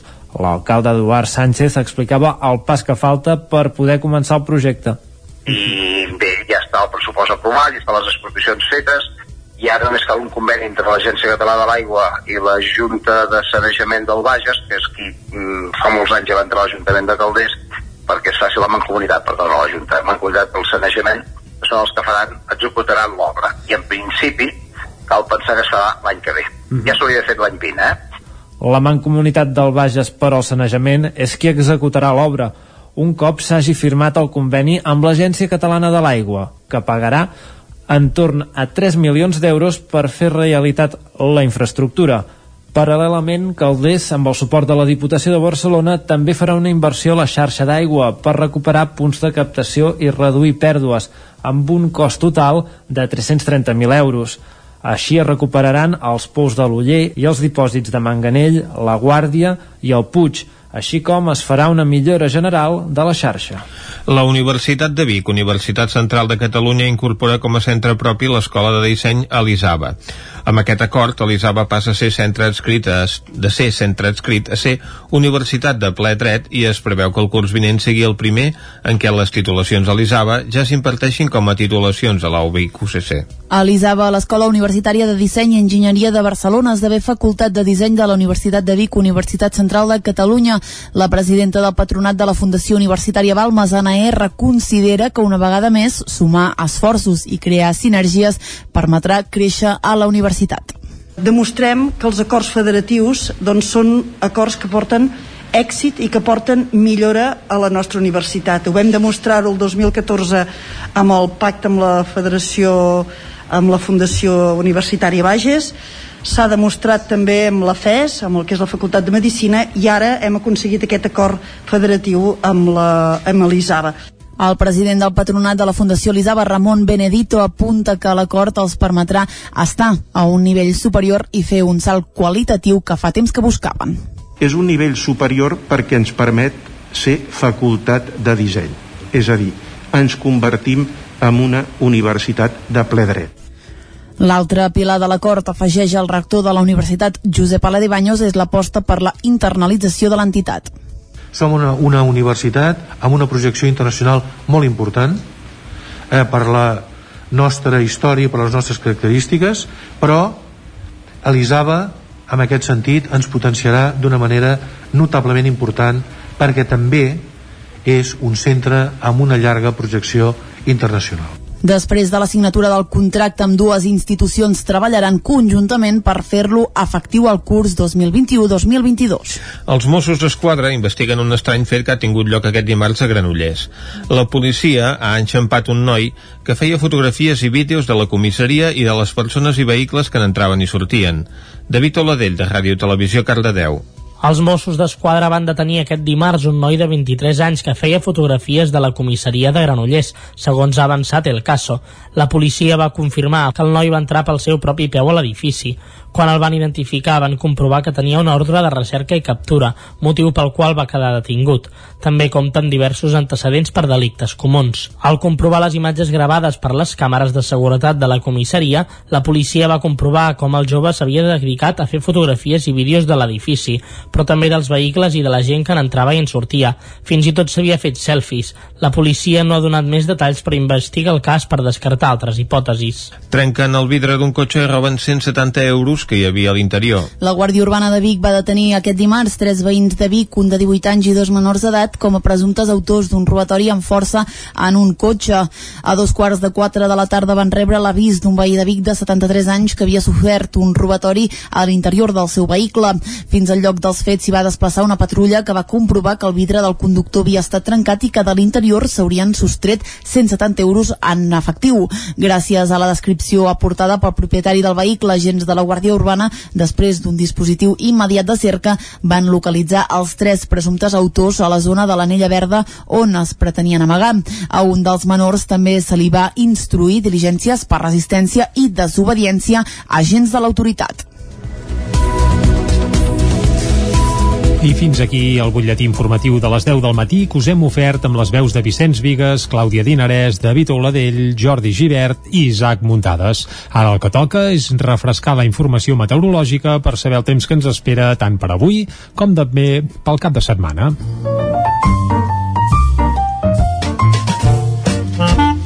Casa Terradellos us ofereix el temps. I és per això que saludem de nou el Pep Acosta. Pep, bon dia. Hola, molt bon dia. Bona bona hora. Avui divendres. Eh, sí. Clarianes fins a mitja tarda o finals de la tarda Mhm. uh -huh. i unes temperatures força suaus, de 15 a 20 graus. Aquesta nit, ràpidament, es començarà a tapar i ens creurà un front també de procedència de sud. Uh Mhm. -huh. És a dir, que no farà molt de fred. Vent de sud, atenció demà, que el vent serà destacable, sobretot a la zona del Pirineu, cops de vent de 70-80 km per hora. Demà, més o menys, de les 6-7 del matí fins a les 6-7 de la tarda, una mica menys i tot, ens creurà aquest front. Passarà bastant de pressa, però pot acumular quantitats de pluja bastant importants. Al prelitoral, uns 20-30 litres, però cap al Moianès, Osona i Ripollès, puntualment es poden superar els 50 litres. Per tant, una mica de precaució a les rieres, a alguns rius, Mm, no és un temporal ni molt menys com el que s'està produint al País Valencià, però sí que tenim alguna pluja intensa. Mm -hmm. Vents de sud, com deia, remarcables, de 80-90 km per hora. La cota de neu molt amunt, 2.400-2.500 metres, molt, molt, molt amunt. Dissabte, cap a les 7-8 de la tarda, ràpida millora del temps. Eh, passarà molt de pressa aquest front, i ja, eh, bueno, millor o no, vull dir que sortiran clarianes, vull dir que hi haurà clarianes, no veurem el sol, perquè clar, que no veurem el sol, però sí que els núvols marxaran ràpidament. I diumenge quedarà un dia mig ennuvolat, no farà allò un sol increïble, però ni molt menys plourà. I dissabte les temperatures baixaran per sota els 20 graus a la majoria de les poblacions, tot i que no farà molt de fred, com deia, perquè ens de sud, diumenge les temperatures seran agradables al migdia, cap als 20 graus a la majoria de les poblacions la nit una mica freda, però no molt, eh, tampoc, uh -huh. entre els 10 i 11 graus. Moltes gràcies, adeu. Vinga, moltes gràcies, Pep, i Vicenç, ja ho tenim clar, eh? Avui sabem el temps que farà avui a la tarda, sabem senyor. que demà serà un dia remulladot i ventilat, a més a més. De sol a sol. Correcte. I, bé, i més enllà i tot, perquè el sol avui dia es pon a les 5 de la tarda ja, eh? I també sabem que diumenge ens espera una mica més de, de bonança. De tota manera, en Pep ja ens ho ha alertat també que aquesta nit han caigut algunes pluges ja a les comarques del territori 17 i podem fer una mica de repàs dels litres que han caigut, oi? Exacte, de fet ha plogut una mica a tot arreu, però molt poca cosa, perquè el lloc on més litres s'han recollit és a Ull de Ter, amb 5 litres i 4 a Núria. I ja si anem eh, doncs, més avall, eh, doncs portem un litre recollit a Molló, a Alpens, a Sant Boi de Lluçanès i a Vidrà. A la resta de poblacions ha caigut menys un litre. Per tant, quatre gotes. Ah, exacte. Suposem que demà dissabte seran unes miques més de 4. Ja ens ho ha alertat prou el Pep. Doncs va, fins aquí la informació meteorològica. Ara un parèntesi de mig, de res, de mig minutet, i tornem amb l'entrevista. Avui anirem cap a la veu de Sant Joan.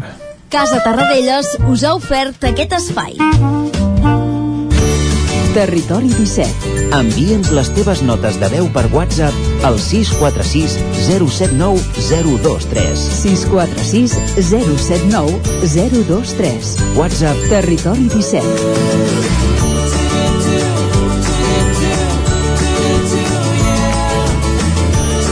Territori 17. Som a Facebook, Twitter i Instagram amb l'usuari Territori 17.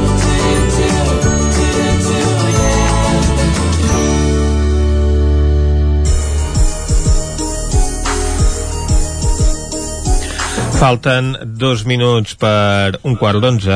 Ara fa uns dies que l'Ajuntament de Ripoll, la Fundació Eduard Soler i l'Agència de Desenvolupament del Ripollès van fer un acte de reconeixement a dues empreses emergents a l'àmbit tecnològic que s'han establert a l'espai de Tech Working de la Fundació.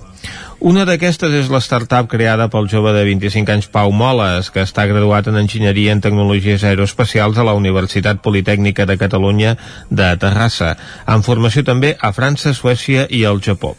L'empresa Coactium, creada per Moles, té l'objectiu d'enviar small satèl·lits a l'espai i nosaltres no anem a l'espai però sí que anem a la veu de Sant Joan perquè allà ens espera l'Isaac Muntades. Isaac, bon dia. Bon dia, Vicenç. Doncs sí, ho has explicat molt bé. Avui tenim a l'estudi amb nosaltres en Pau Moles perquè ens expliqui en detall eh, què faran en aquesta empresa emergent i com se'ls hi va acudir la idea de proporcionar serveis de transport amb satèl·lits petits a l'espai. Bon dia, Pau, i moltes gràcies per ser aquí amb nosaltres. Bon dia, Isaac. Bon dia, Vicenç, i gràcies a vosaltres per convidar-me. Per començar, precisament, la idea de crear aquesta empresa ve una mica de la teva estada al Japó, on va ser un treball de final de màster que segurament t'ha conduït uh, on ets ara. Explica'm què hi vas, què hi vas fer uh, allà i com se't va acudir la idea doncs, per llançar-te a la piscina. Doncs bé, com bé dius, va sortir del Japó. Jo al Japó vaig anar a fer la tesi del màster que havia estat fent a Suècia i per tant va ser una estada d'uns 7 mesos allà com si haguéssim en pràctiques en un laboratori.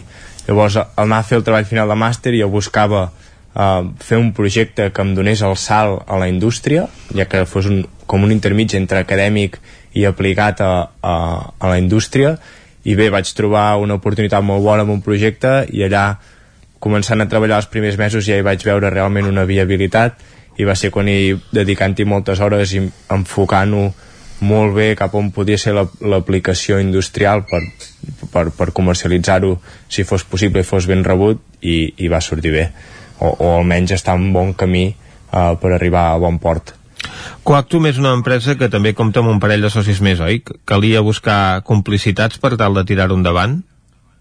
Correcte, és un, és un projecte bastant complex si pensem en la indústria espacial i tot i que pensem que un mateix pot fer moltes coses uh, no arribem a tot i ens falten els minuts.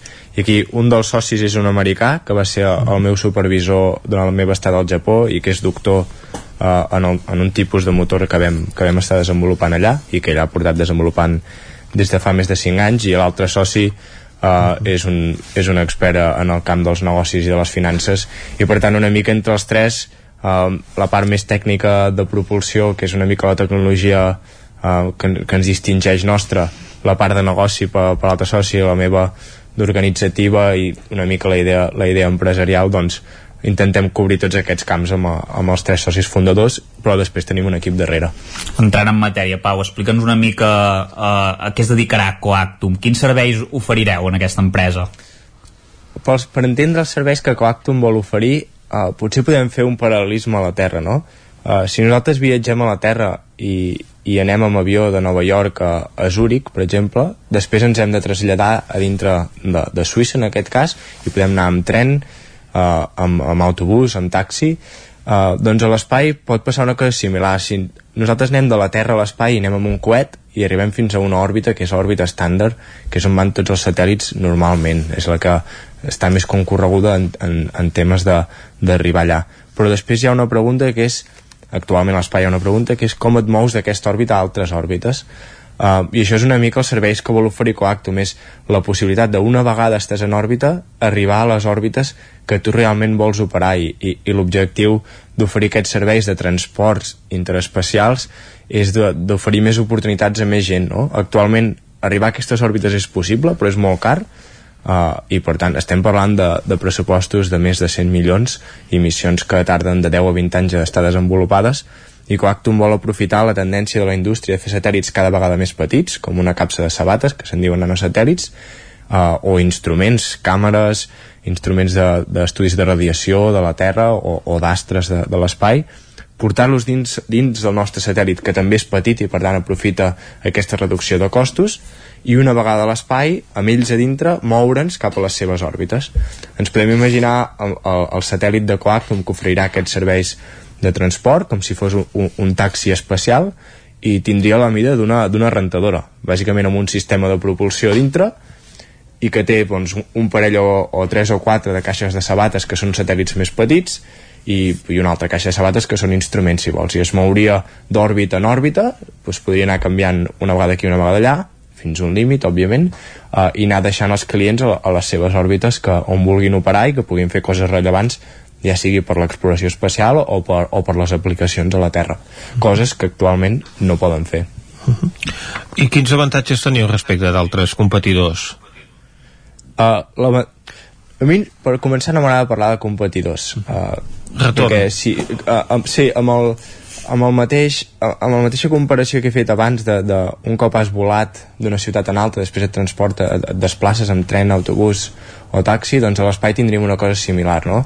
Al final cadascú triaria qui va més ràpid si vol anar més ràpid, si vols anar de manera individualitzada agafaries el taxi, però per tant et, et costa més diners, no? Doncs a l'espai està passant una cosa així, uh, sí que Coactum és veritat, el servei que vol oferir és simple, segur i ràpid, i el ràpid és una, a nivell tecnològic és el que ens distingeix, és el tipus de motor que apliquem. Ja, ja la, la indústria de transport interespacial acaba d'aparèixer, ha aparegut aquest any aquest darrer any.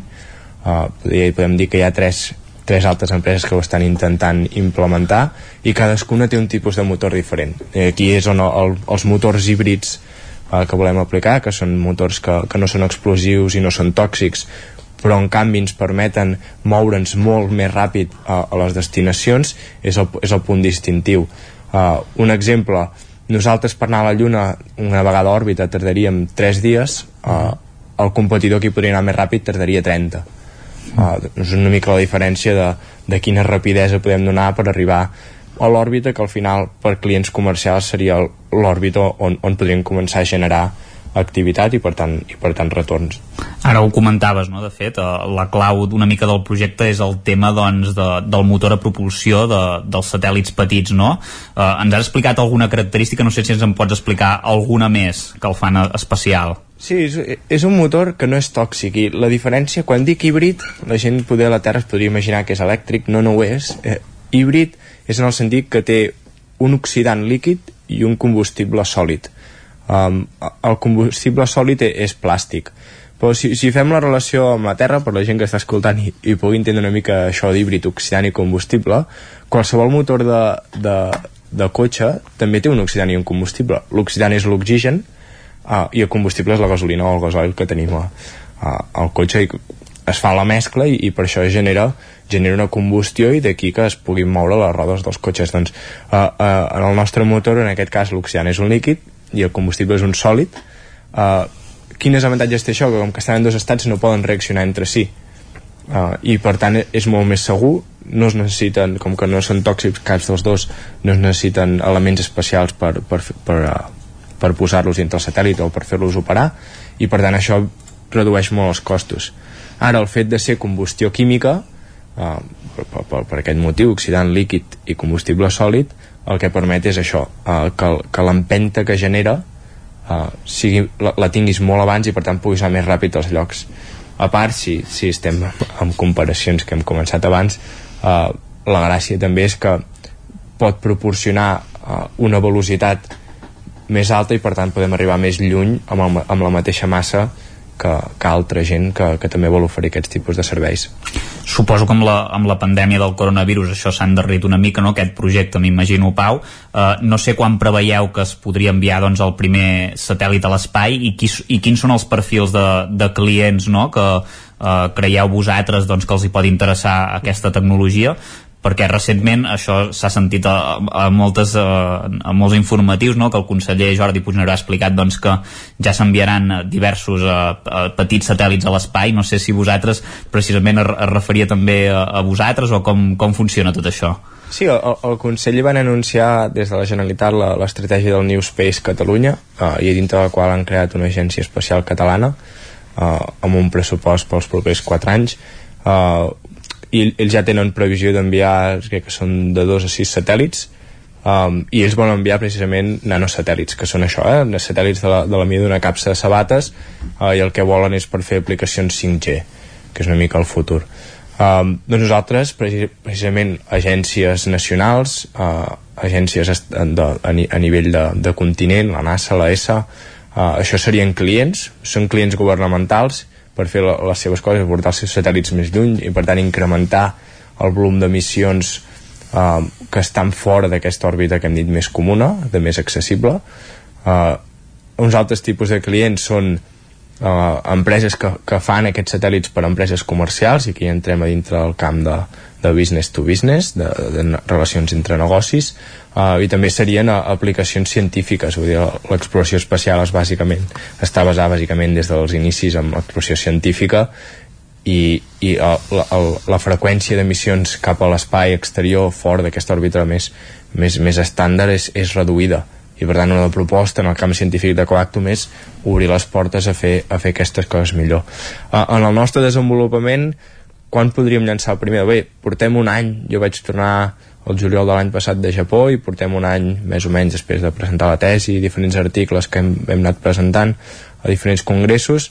Uh, portem un any treballant amb això, parlant amb, amb la indústria, amb diferents actors uh, per realment comprovar que hi ha, a part de la tecnologia, hi ha, hi ha una, un, un avantatge, la indústria pot tenir un avantatge d'aquesta tecnologia que nosaltres proposem una aplicació. Per tant aquest, any, aquest darrer any jo des de Ripoll he estat, he estat fent això uh, el company des d'Americà que està encara està a Japó. I bàsicament verificant això i, i planejant tot el projecte, dir, els recursos que necessitem, el temps de desenvolupament i això seran dos anys de desenvolupament començant des de gener perquè s'ha d'acabar, el motor s'han d'acabar de fer testos, s'ha de dissenyar el satèl·lit, integrar-ho tot, testejar-ho i després llançar-ho a l'espai perquè si tu vols oferir un servei a l'espai necessites haver-ho demostrat, per tant validat, perquè els, els futurs clients uh, puguin, puguin confiar en tu. Uh, al final estem parlant de quantitats de diners que potser eh, els que estem a baix de la Terra se'ns escapen una mica, però és una indústria costosa. Uh, I per tant ho has de demostrar, doncs això, uh, a finals del 22 la idea seria uh, enviar el primer satèl·lit i ja a partir del 23-24 uh, començar a operar comercialment i de fer la feina estarà en aquests dos anys també de part nostra de començar a recollir clients que vulguin, que vulguin en algun punt uh, utilitzar els nostres serveis de transports interespacial. Perquè, Pau, tot això com ho financeu? Això, bàsicament, ho, ho tenim previst, o estem en ple, en ple esforços de finançament privat, a canvi, a canvi de- de- d'una propietat de, de l'empresa. I, i, I aquí és, és on estem ara i el, és el que ens marcarà poder començar a, al gener amb tot l'equip o no. Quants treballadors eh, teniu en aquesta empresa, Pau? La, la idea és arribar a tenir un equip uh, d'11 enginyers més els tres, més els tres fundadors uh, i això seria gent uh, a temps complet i després complementar doncs, uh, cada enginyer amb un, amb un consultor extern uh, si volguéssim dir amb més experiència per, per, aportar, per aportar revisió i, i redundància una mica en tot el disseny. Perquè de moment esteu ubicats a la Fundació Eduard Soler, però no sé si preveieu traslladar-vos a un altre lloc més endavant. Clar, jo, jo tot aquest any, des de que vaig tornar, estava aquí a Ripoll i doncs, amb converses amb, amb, amb l'Ajuntament i la Fundació vam arribar aquí i, i realment s'hi està molt bé treballant tot un any. De totes maneres, el projecte eh, està planificat fer-lo fer, -lo, a Suïssa i de fet ja estem, estem organitzant tot allà i, organitzant la, moure tot l'equip que està esperant a, a que puguem començar eh, de veritat i, i començar tots, tots plegats a Suïssa a partir del gener. Mhm. Molt bé, doncs, eh, Pau, moltes gràcies per acompanyar-nos avui, endavant amb aquesta iniciativa que ens porta del Ripollès eh, fins a l'espai, sens dubte un projecte interessant, moltes gràcies, Pau. Moltes gràcies, una abraçada. Gràcies eh, també a l'Isaac Muntades des de la veu de Sant Joan. Nosaltres ara farem una petita pausa i tornem tot seguit.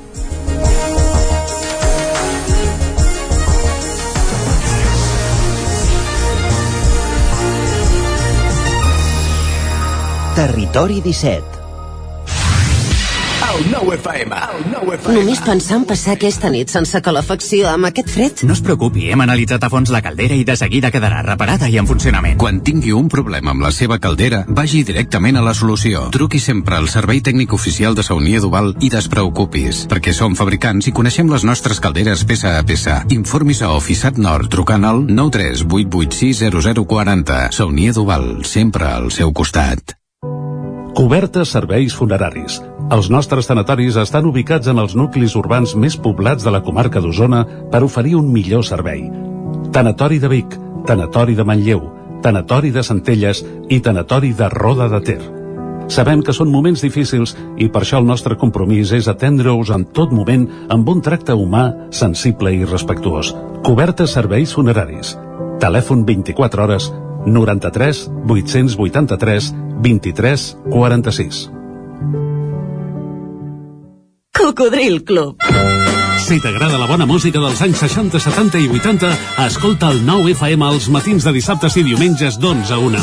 És el temps del Cocodril Club, tot un clàssic de la ràdio, amb les bases del pop-rock, les llegendes, les cançons que s'han convertit en autèntics himnes. Recorda, dissabtes i diumenges al matí, d'11 a 1, al 9 FM 92.8. Cocodril Club, el programa revival de l'Albert Malla. Hasta luego, cocodrilo. Anuncia't al 9FM. La màquina de casa. 9 3 8 8 9 4 9 4 9. Publicitat arroba al 9FM.cat. Anuncia't al 9FM. La publicitat més eficaç. La Fogonera, resistència gastronòmica. És un restaurant? És un rostidor? És La Fogonera, la cuina en directe des de GURB, on encarregues, ho vens a buscar i ara també t'ho portem a casa. La Fogonera, resistència gastronòmica. Ara amb la fogonera de dia amb aperitius, arrossos, segons plats i postres. I quan cau la nit, ens transformem en un popurri culinari. Búrguers, pizza, pasta... Truca al 93 851 55 75 o entra a lafogonera.cat. La Fogonera, el teu aliat gastronòmic. Cada territori té un atractiu o més d'un. El fruit, el paisatge, la seva gent, les pedres... Camins de l'Eix. Descobrint el capital de terra endins. Camins de l'Eix, dissabte a les 9 del vespre al 9 TV. Aquesta setmana, la Vall del Corp, amb el suport de la Generalitat de Catalunya. 7 milions i mig de futurs. El 9 FM, el 9 FM, el 9 FM, el 9 FM, el 9 FM.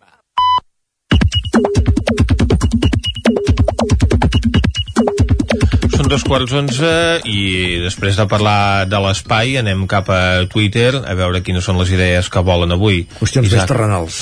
Més terrenals, no? a Albert. Albert Generó de la CUP de Manlleu, Dani Gallardo, després d'un any de presó preventiva per un nou cas de muntatge policial, avui s'enfronta al judici en el que li demanen 6 anys de presó. Una abraçada ben forta, Dani, estem amb tu.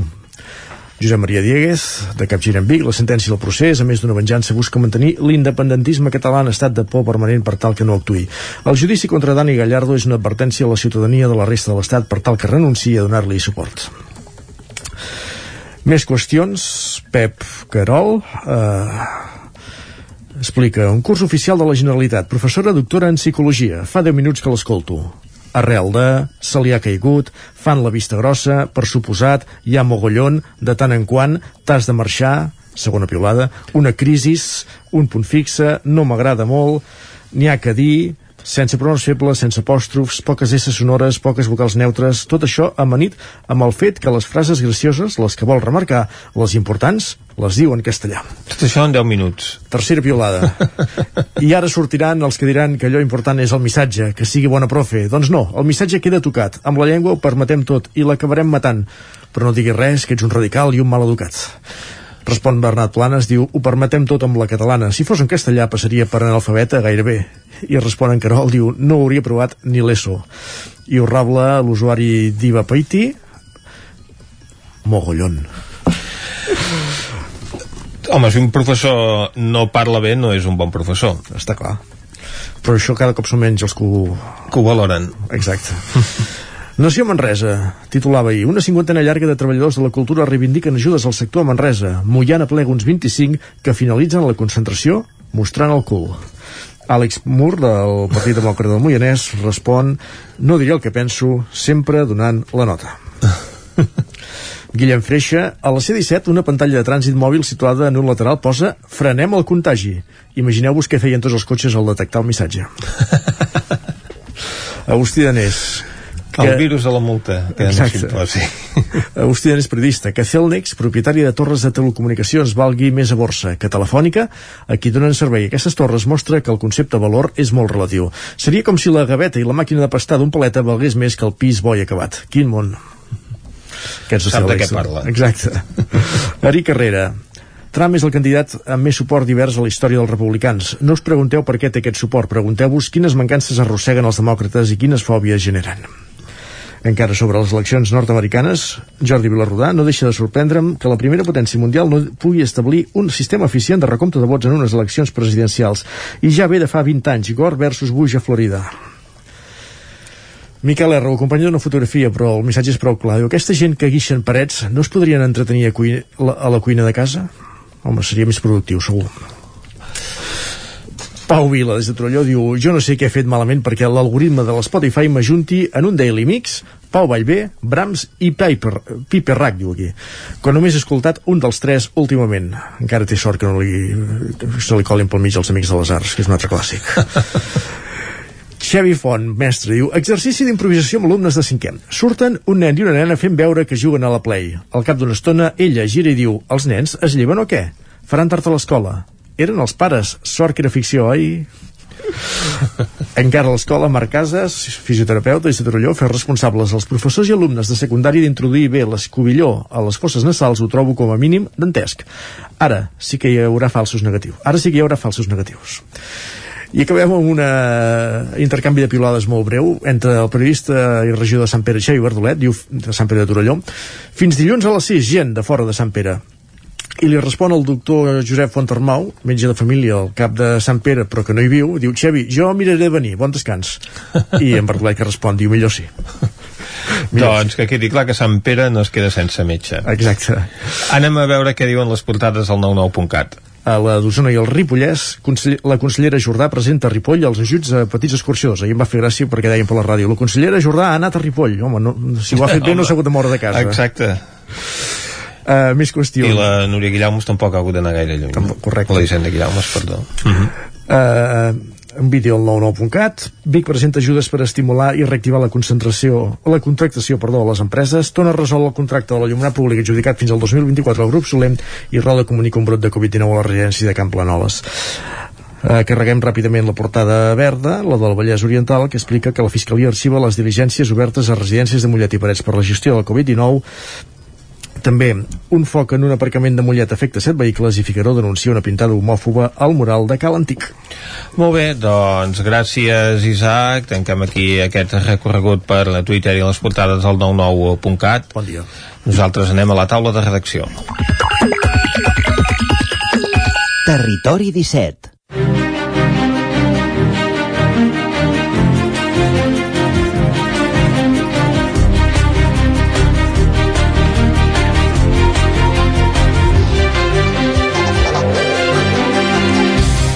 la taula de redacció avui ens acompanyen en Guillem Freixa i la Txell Vilamala.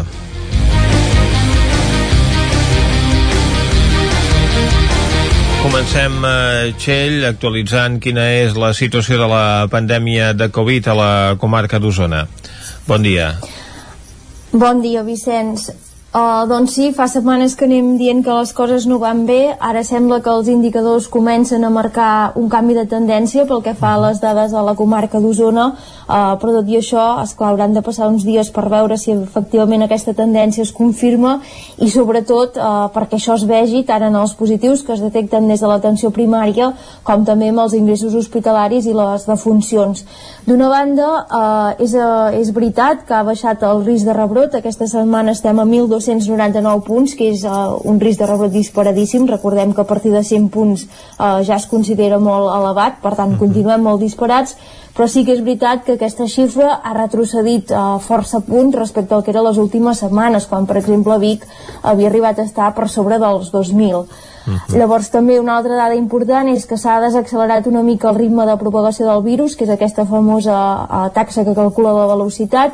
Ara a la comarca, en el conjunt, estem fregant la ratlla d'1 concretament a 1,01 i això vol dir que una persona infectada pel coronavirus en principi ja només en contagia una altra, és a dir, que s'està uh -huh. frenant eh, el ritme de propagació de la pandèmia.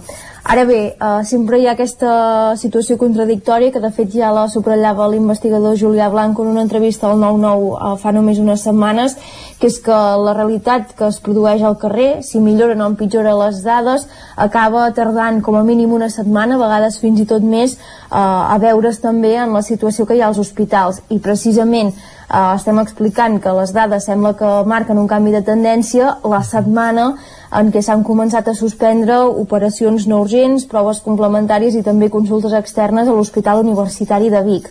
Ara mateix en aquest centre sanitari hi ha 77 persones eh, ingressades a causa del coronavirus, també n'hi ha 32 a l'Hospital de la Santa Creu i 9 a l'Hospital Sant Jaume de Manlleu, és a dir, que de tots els tres hospitals que hi ha a la comarca d'Osona ja no en queda cap lliure de Covid-19, quan fins aquesta setmana el centre sanitari de Manlleu sí que ho era. Per tant, uh -huh. això ja ens indica uh, que la segona onada ha entrat a tots els tres hospitals i des del Consorci ens explicaven això, que com que és difícil eh, compaginar l'atenció als malalts, sobretot als malalts de coronavirus crítics que necessiten, per exemple, respiració assistida amb les operacions i aquestes intervencions que al final eh, les porta a terme el personal mèdic i infermer, que és també eh, el que habitualment treballa amb malalts crítics, fa eh, que es decideixi ajornar aquesta activitat programada en pro de poder atendre els pacients que es troben en pitjor situació pel que fa al coronavirus. Ara mateix a Osona, eh, que siguin a l'UCI, n'hi ha 17, Uh -huh. uh, recordem que l'Hospital Universitari en principi té capacitat uh, per 10 però en qualsevol cas també s'ha habilitat eh, una part de la planta 3.1, que és la més nova que s'ha reformat, per atendre aquests pacients que necessiten cures intensives. Uh -huh. Una altra dada que també aquesta setmana continua a, a l'alça, malgrat que la resta d'indicadors indiquin una moderació, són les defuncions. I és que feia, eh, de fet, des de la primera onada de la pandèmia que no ho vèiem que entre els tres hospitals eh, reportaven 17 defuncions a causa del, del coronavirus. Per tant, això també reflecteix avui a les pàgines del 9-9. Qui l'hagi obert veurà que eh, hi ha força esqueles, dues pàgines, i a més a més també ha tornat a créixer el llistat que recull el moviment demogràfic. Ara la gran incògnita és veure això, si efectivament la setmana que ve o d'aquí dues setmanes aquest canvi de tendència que es comença a intuir eh, també es eh, reflecteix després en la situació dins dels hospitals. I tot això, Vicenç, eh, mentre nosaltres continu eh, continuem intentant explicar eh, per què s'han disparat les dades fins a aquests nivells tant a Vic com a Manlleu.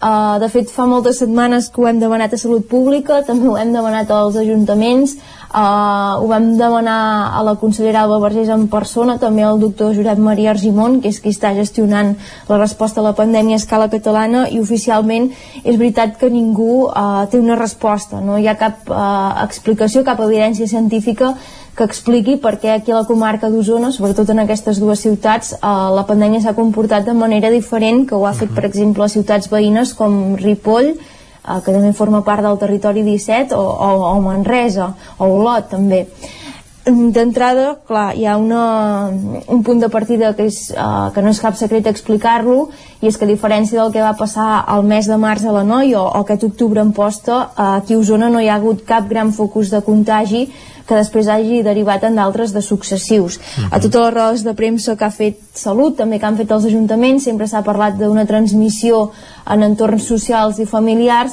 i això, eh, en l'anàlisi que fem avui al 9-9, ens porta a pensar que segurament eh, no hi ha un únic factor, sinó que és una conjunció de diversos que acaben fent aquest còctel explosiu eh, que dispara les dades a, a Osona.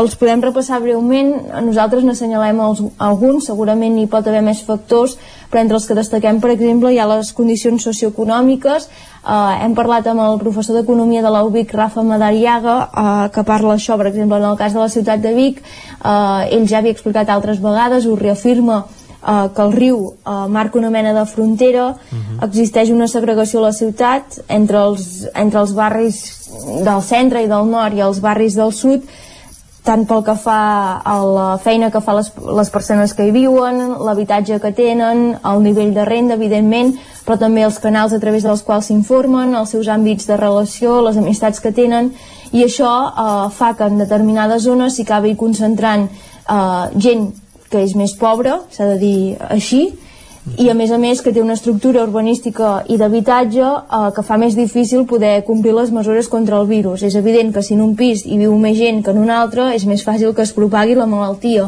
o també que si hi ha més aglomeracions en un mateix edifici és més complicat eh, poder fer les quarantenes. Tot això eh, segur que influeix i explica en part perquè, per exemple, els cribatges massius a Vic i a Manlleu s'han fet tant al barri del Remei com al barri de l'Erm, justament. Mhm, -huh, Hi ha altres factors. També és evident que Vic i Manlleu exerceixen eh, una funció de capitalitat a la comarca, evidentment concentren més serveis que els pobles que hi ha al seu voltant, això fa que també s'hi desplacin més persones i evidentment en casos puntuals eh, també s'ha de parlar de falta de precaucions i consciència social perquè tampoc és cap secret que to no tothom eh, té el mateix compromís a l'hora de, de, la, de complir les mesures contra el coronavirus, no? com per exemple posar-se la mascareta, rentar-se les mans, bé, tot això hem vist els esforços que han anat fent els ajuntaments, normalment més aviat pedagògics, amb el suport per exemple de la Creu Roja i altres entitats socials, a vegades també punitius eh, a través de la policia local de Manlleu, la Guàrdia Urbana,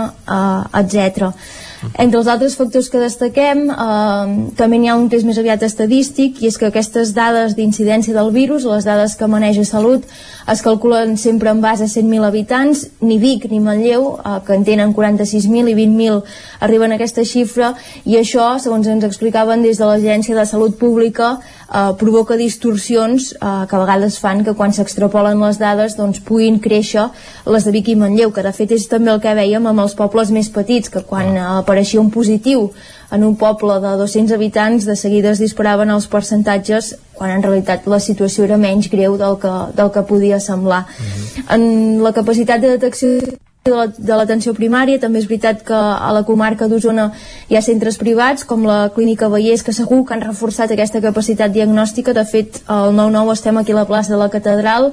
Eh, tenim la Clínica Vallès a pocs metres i les últimes setmanes hem vist gent fent cua fora eh, segurament per realitzar-se proves de diagnòstic la qual cosa explica que hi hagi una alta capacitat al conjunt de la comarca i també eh, al cap i a la fi que això ajudi a detectar més positius cap d'aquests factors eh, segur que per separat no és el més transcendent però anar-lo sumant eh, potser sí que pot explicar eh, almenys en part perquè aquí, aquí a Vic i a Manlleu el, el virus s'ha mogut més còmodament que, que en altres llocs s'ha mogut més còmodament o potser s'ha identificat eh, millor i d'aquí que hagin aflorat doncs, tants casos. Moltes gràcies, eh, Txell. Eh, canviem de temàtica. Ens anem cap a Sant Martí del Bars. En eh, Guillem Freixa ens parlarà ara de l'actualitat d'aquest municipi, on ja hi ha una controvèrsia per la instal·lació d'una benzinera, però també ara n'hi ha una altra per l'ampliació de la planta de Fumanya. Sí, podríem dir que revifa un dels eh, temes que a principis de, de, del segle, inici dels anys 2000, doncs, va estar de, de plena actualitat la planta de compostatge de Fumanya, situada a Sant Martí del Bars, una planta que es va crear l'any 2000. Recordem que és una instal·lació que el que fan és rebre eh, residus orgànics de la indústria alimentària i a través d'un procés de descomposició eh, que passa també eh, per estar a l'aire lliure durant un, un temps, eh, acaben creant aquest compostatge. Això, com dèiem, a l'inici dels 2000 eh, va generar eh, moltes molèsties als veïns per les eh, pudors que sortien d'aquesta planta de compostatge. La situació es va fer insostenible l'any 2005, manifestacions, protestes, acció política també demanant eh, mesures eh, de, de correcció d'aquestes pudors que sortien de la planta. Es va aconseguir redreçar eh, la situació, tot i que els veïns, sobretot sobretot de zones com Santa Creu de Jutglà, que, que es troba a, a prop de la planta, doncs han continuat denunciant que, que es mantenen les pudors, però uh -huh. les alarmes s'han encès eh, aquesta tardor quan s'ha sabut que la planta de compostatge està treballant un pla especial urbanístic autònom que això li permetrà eh, o li pot permetre augmentar la xifra de metres eh, quadrats, per tant, la superfície on poden realitzar la seva, la seva tasca, la seva feina de descomposició i de creació de compostatge. Uh -huh. Quins són els detalls d'aquest uh, pla especial? Doncs que uh, no ampliaran el perímetre, ara tenen un perímetre delimitat, no s'ampliarà aquest per, uh, perímetre, per tant no creixeran en volum exterior, però sí que aprofitaran una zona interior del recinte en uh -huh. què uh, ara mateix uh, no s'hi fa activitat, hi ha un, un petit turó, doncs s'actuaria en, en aquesta zona i això voldria dir que es podria arribar augmentant 14.900 metres quadrats l'activitat i això en tones també suposaria moltes una, més. moltes més uh, molta més quantitat de, de residus tractats en aquesta zona. Ja ha començat aquesta oposició del Lluçanès contra el projecte d'ampliar la planta de compostatge mm -hmm. i destacar sobretot que el Consorci del Lluçanès, que a vegades hi han hagut discrepàncies en, en diversos temes al llarg de, dels anys, en aquest tema, en l'oposició en aquesta ampliació, aquesta possible ampliació, sí que han sigut eh, unànimes, van eh, tots a la una i han dit que presentaran, presentaran al·legacions eh, conjuntes per intentar frenar el procés, un procés que s'intentarà frenar però es preveu complicat per això, eh, perquè es fa dins el perímetre mateix de la planta ja existent uh -huh. i en principi tindrien els eh, permisos passats per la Comissió d'Urbanisme de la Catalunya Central en, en regla, per tant veurem com acaba la situació. Des de Fumanya hem parlat també amb l'empresa i ens diuen que aquest pla especial eh, urbanístic autònom vindria a ser com un POUM, un pla d'ordenació urbanística municipal portat a la, a la planta, per tant, que hauria de servir per ordenar, per endreçar què es fa en cada lloc de, de, de la superfície on, on hi ha la planta uh -huh. i fer una previsió per si mai volen créixer com ho podrien fer, però ens deien que no vol dir, igual que un POUM quan s'aprova, no vol dir que facin d'immediat les cases o els ponts que es preveuen en aquell document, uh -huh. doncs que no vol dir que un cop aprovat ja es faci aquest creixement d'augment de, de quantitat de residus de manera immediata, sinó que el que es fa és una previsió de fins on podrien arribar a créixer en cas que l'empresa vegi que, que té potencial per fer-ho i vol anar endavant.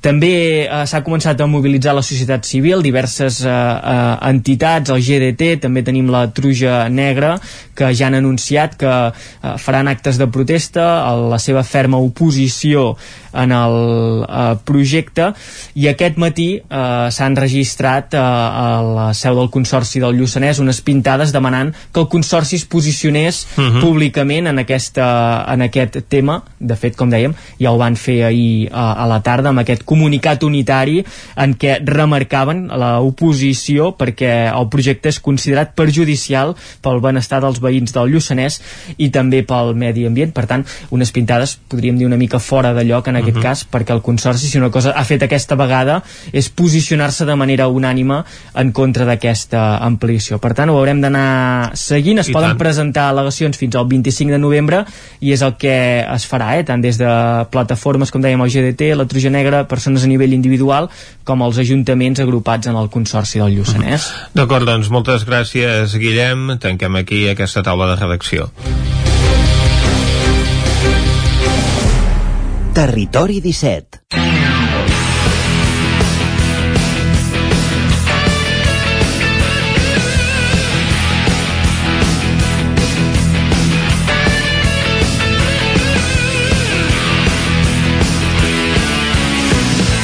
I quan falten 10 minutets per les 11 del matí, el que toca ara és fer un repàs esportiu als principals equips de Territori 17 per comprovar la feina que tenen eh, aquest cap de setmana. Això sí, recordem, Vicenç, que només juguen eh, competicions estatals. Les Exacte. competicions de, de caràcter, diguem-ne, domèstic o d'àmbit nacional català, doncs de moment estan suspeses, eh?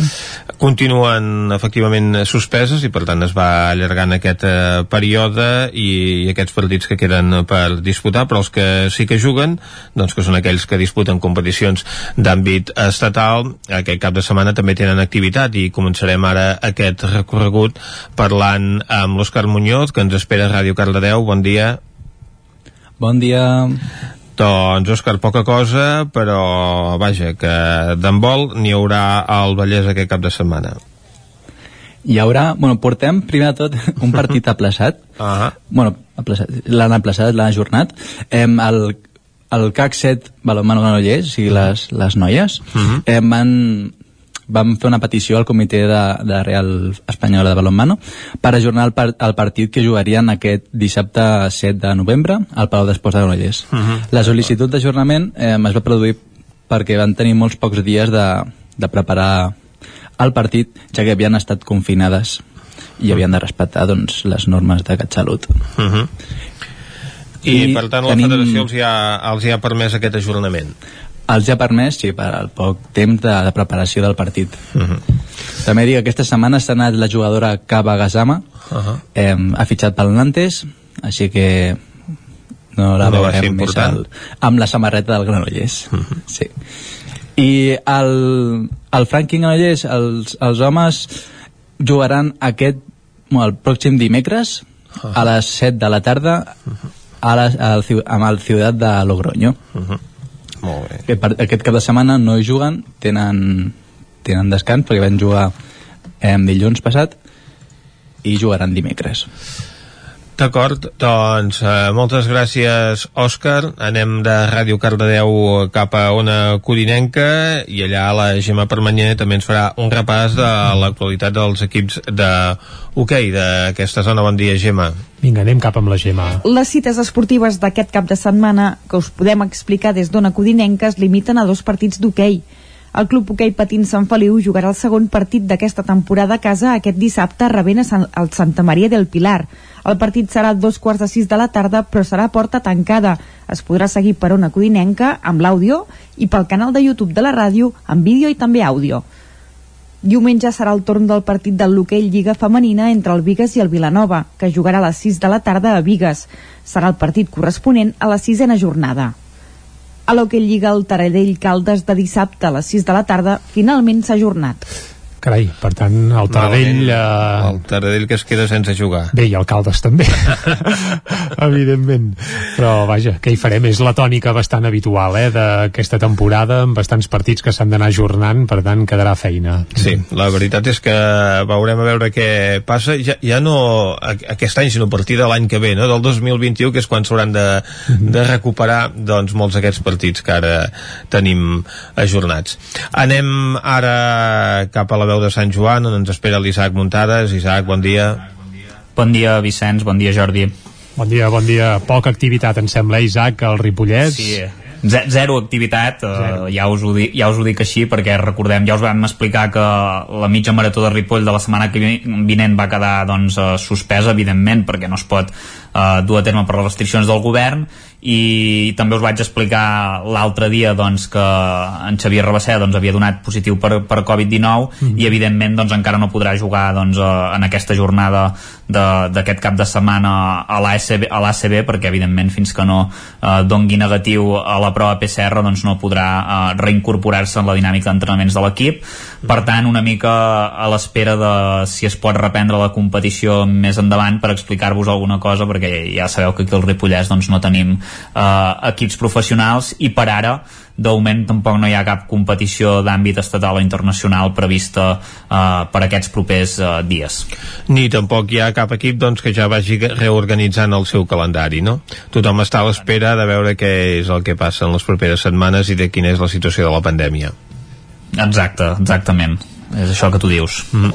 Molt bé, doncs moltes gràcies Isaac Muntades des de la veu de Sant Joan nosaltres ara continuem aquest recorregut esportiu del cap de setmana eh, amb els partits que afecten eh, equips usonencs aquí sí que hi ha novetats perquè precisament doncs aquesta setmana s'incorporen noves competicions, s'incorporen nous equips i malgrat aquesta situació doncs transitòria que tenim de pandèmia amb només equips d'àmbit de competicions d'àmbit estatal doncs, que poden jugar els seus partits i que hem de dir que a Osona se n'incorpora algun de nou. Sí, a la Lliga de bàsquet, la Lliga EVA, doncs arrencarà, eh, creuem els dits, perquè evidentment fa de mal dia, eh?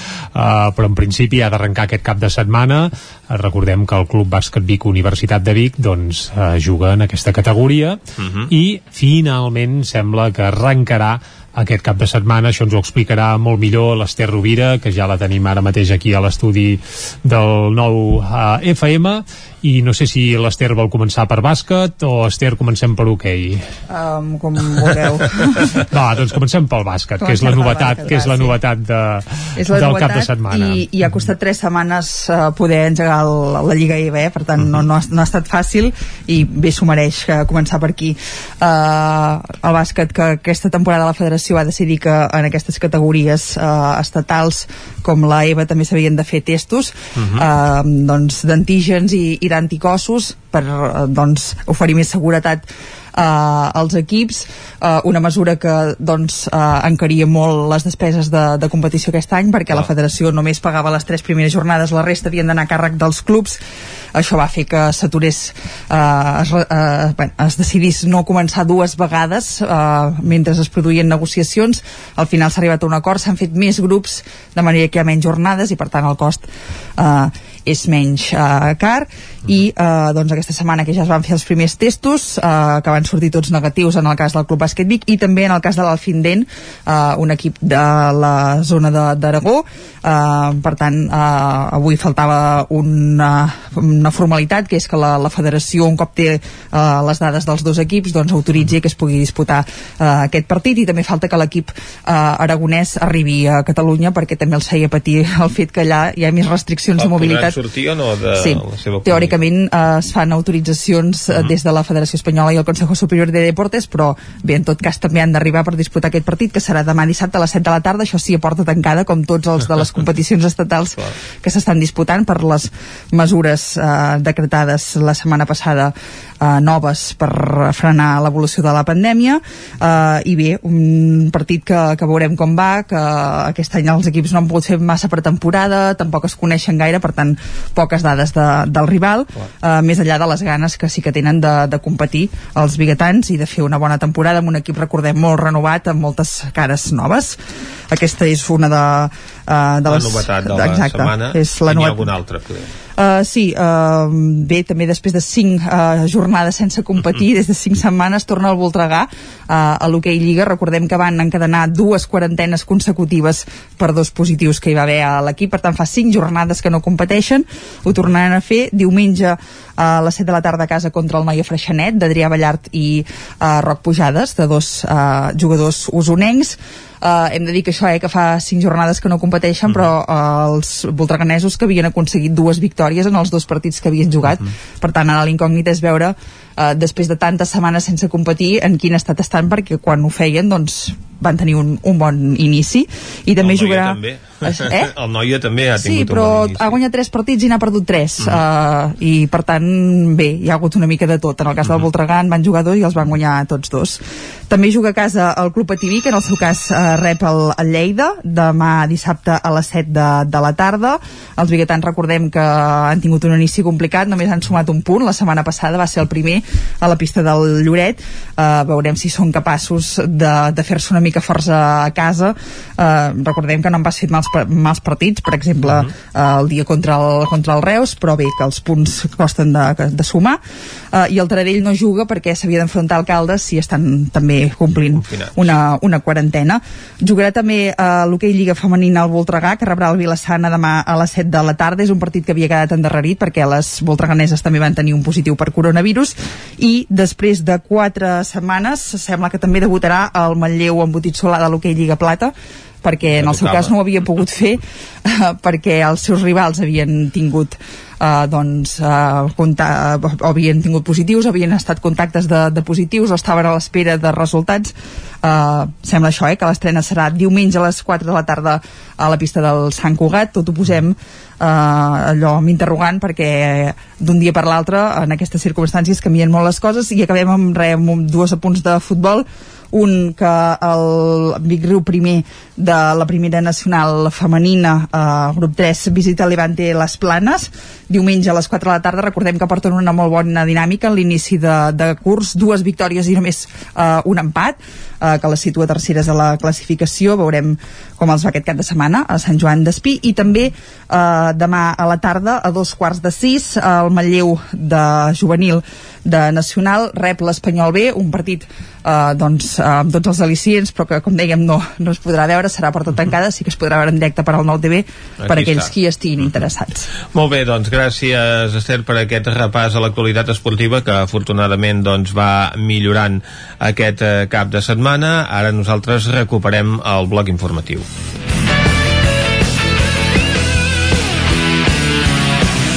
Doncs vinga, quan gairebé són les 11 i dos minuts del matí, recuperem de nou la informació de les nostres comarques, les comarques del Ripollès, Osona, el Moianès i el Vallès Oriental. Territori 17, amb Vicenç Vigues i Jordi Sunyer.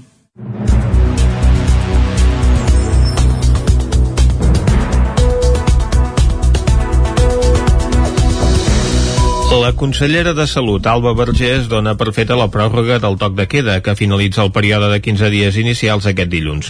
Ho va dir aquest dijous en una entrevista a Ràdio 4. Un espai que precisament la consellera va aprofitar per anunciar que el toc de queda s'allargaria 15 dies més. Vergés també va dir que miraran de quina manera es prorroguen la resta de mesures i en ser preguntada sobre la possibilitat d'una obertura parcial de la restauració, per exemple, a les terrasses, no ho va descartar, tot i que va dir que no es pot córrer. D'altra banda, la consellera va augurar un Nadal molt complicat pel que fa a la situació epidemiològica. Va dir que els grans dinars s'hauran d'evitar del tot i va instar a fer trobades reduïdes i espaiades en els dies.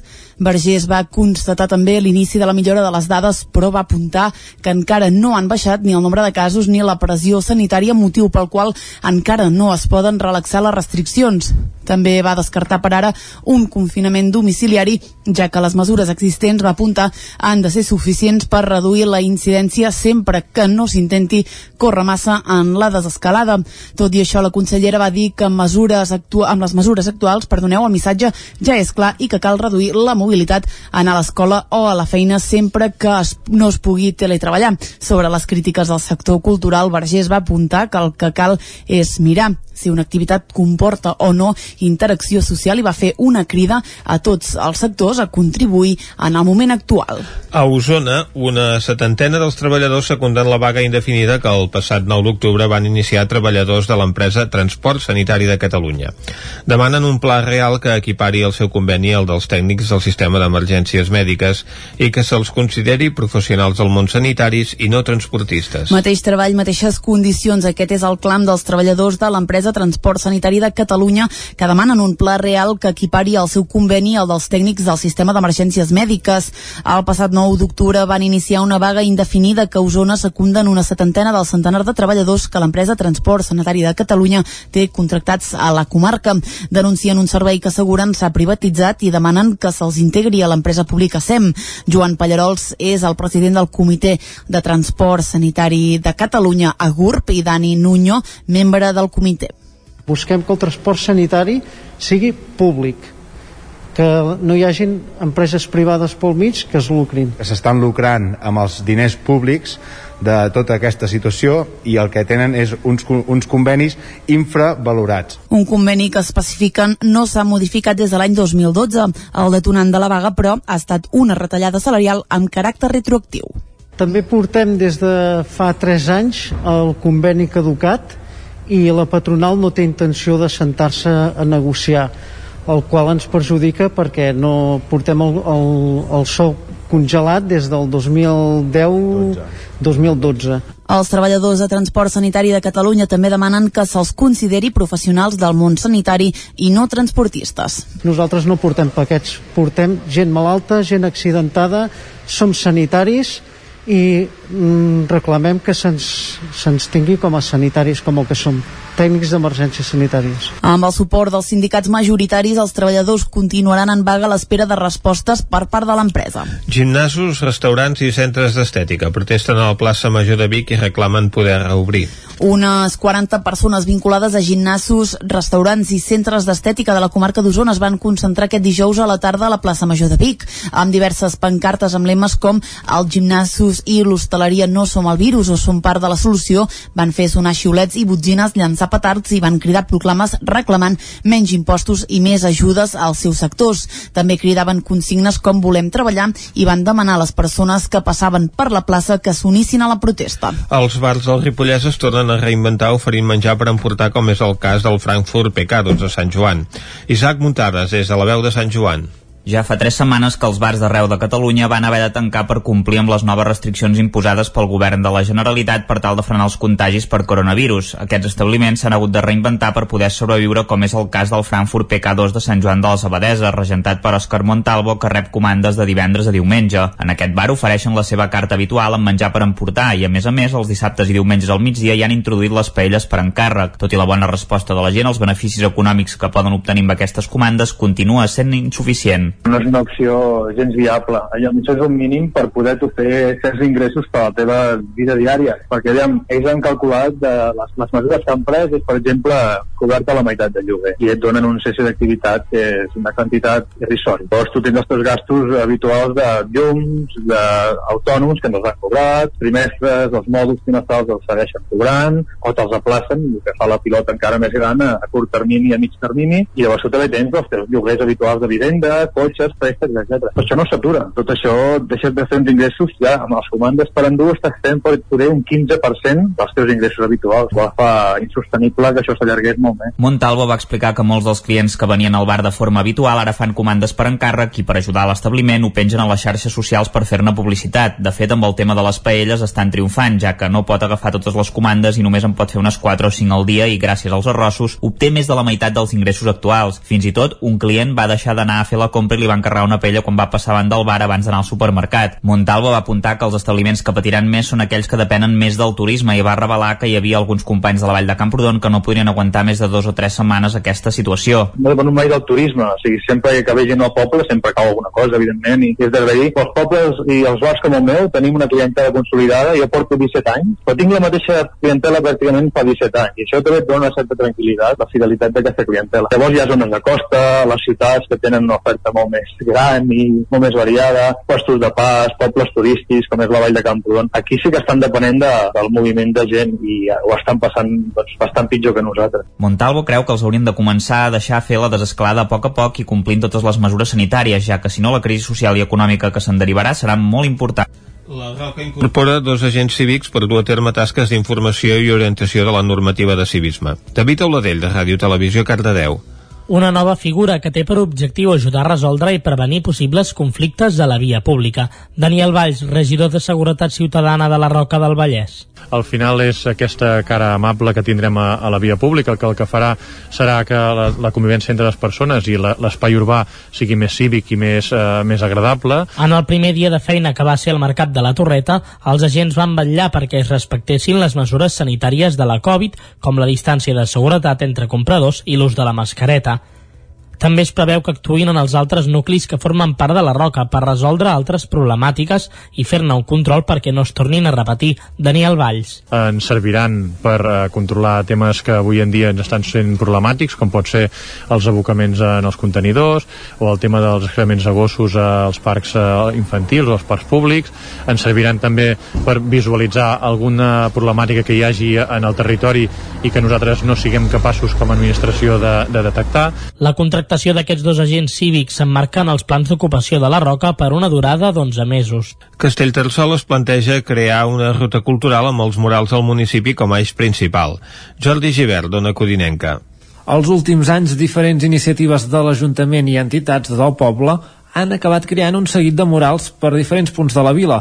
De fet, aquests dies se n'estan acabant un a la fàbrica Anla de Castellterçol, dedicat a les dones del tèxtil. Des de la regidoria de Cultura volen potenciar i posar en valor aquestes obres amb una ruta. Albert Obrero és el regidor de Cultura Hi haurà un element que segur que hi serà, perquè hi ha un altre projecte que, que, que conflueix aquí, és un projecte de promoció de la vila, que és que segur que tenim el projecte de Passapàs, que és un projecte de, de turisme, de difusió a través del patrimoni, sí. hi, haurà, hi haurà un passapàs que no serà de patrimoni, que serà d'art. I aquest passapàs seran els murals que hem anat eh, configurant a la vila els darrers anys. Ara mateix amb aquest en tindrem quatre, eh, més el del 21, més el del 22, 6. I amb 6 ja podem tenir una ruta pas a pas. Alguns dels murals de la ruta són els de l'Ajuntament, dedicat a Enric Prat de la Riba, un altre dedicat al pintor Frank Clapés, o el primer de tots, fet a tocar de Ràdio Castellterçol. I el, primer, I el primer que ho va començar tot, que per mi és molt, molt, molt especial, és el Bosquet de Cansalou, que ara ja fa funcions d'entrada de l'Institut d'Escola Castellterçol, tota la façana del que és l'espai d'Expunt Jove i Ràdio, eh, també hi ha una pintura mural que explica, eh, aquí va néixer d'un procés de participació que gestionàvem un espai de conflicte, de com la comunitat es converteix en transformadora de la seva pròpia realitat. No? Llavors, bàsicament aquest mural gira al voltant de la comunitat. La ruta es faria dins de l'oferta del pas a pas, on mitjançant un seguit de caminades vinculades a elements patrimonials es busca dinamitzar i donar a conèixer tant la història com els diferents espais de la vila. I fins aquí el butlletí informatiu de les 11 del matí que us hem ofert amb les veus de Vicenç Vigues, Clàudia Dinarès, David Auladell, Jordi Givert i Isaac Muntades. Ara el que toca és fer una molt breu pausa i de seguida tornem amb alguna novetat d'àmbit nacional discogràfica. Avui ja veureu que està molt vinculada al Bisaure, una subcomarca que hi ha situada entre Osona i el Ripollès. Descobrirem de seguida com sonen cançons del Bisaure. Fins ara. Territori 17. Envia'ns les teves notes de veu per WhatsApp al 646 079 023. 646 079 023. WhatsApp Territori 17.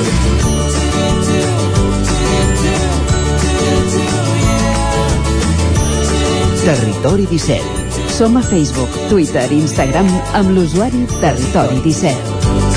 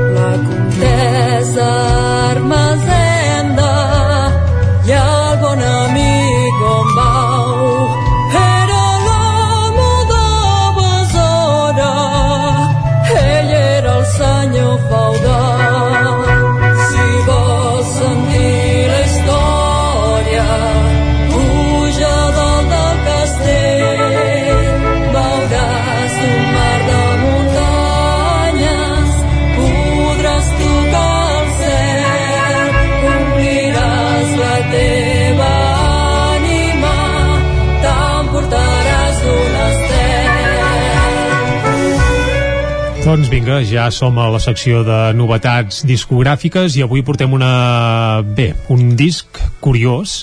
I tant. Uh, centrat en el Bisaure, ja ho hem dit abans, la cançó que escoltàvem ara es titula El castell de Besora i evidentment explica una mica el que es veu des de dalt al castell i també la llegenda que hi ha, bé, llegenda i història que hi ha al darrere d'aquest fantàstic monument que per cert últimament s'ha endreçat molt uh, s'ha recuperat i val molt la pena de visitar per tant, bé, si sou de Santa Maria de Besora aquest cap de setmana pugeu fins a dalt al castell i si sou d'algun municipi veí Els de Vidrà també poden anar. els de Vidrà també, els de Sant Quirze també, uh, bé, els de la Plana, els de... Bé, eh, és a dir, els que no pugueu no hi neu, però apunteu-vos-ho i quan es pugui, doncs feu-hi cap, perquè la veritat és que val molt la pena.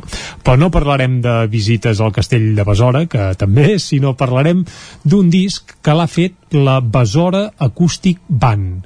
La Besora Acústic Band és una formació, és que tot plegat és, és molt curiós, per això està bé que expliquem exactament com va conèixer, com va començar tot Tota aquesta plegat. història, no? Això va començar fa uns 3 anys, quan un grup de veïns de Santa Maria de Besora es van trobar pel poble, bé, allà és fàcil, perquè bàsicament hi ha un, pràcticament un únic bar i el poble és petitó, i eh, Santa Maria de Besora té un tret diferencial i és que hi ha força nouvinguts. Nouvinguts em refereixo sobretot gent de l'àrea metropolitana gent del Vallès doncs, que tenia una casa allí i ara doncs, molts d'ells ja s'han empadronat al poble, ja viuen allà, fan vida allà, arran del confinament doncs algun d'ells eh, fins i tot ja hi viu pràcticament tots els dies de la setmana, però quan això encara no passava, és a dir, fa 3 anys, doncs el Josep Lluís Ramell i eh, la família Montero es van trobar per allà al poble, resulta que tots eren músics i van dir, ostres, per què no fem un grup eh, així de música de caire una mica folk, tradicional i, i res, i toquem per passar-ho bé. Uh, van començar fent versions de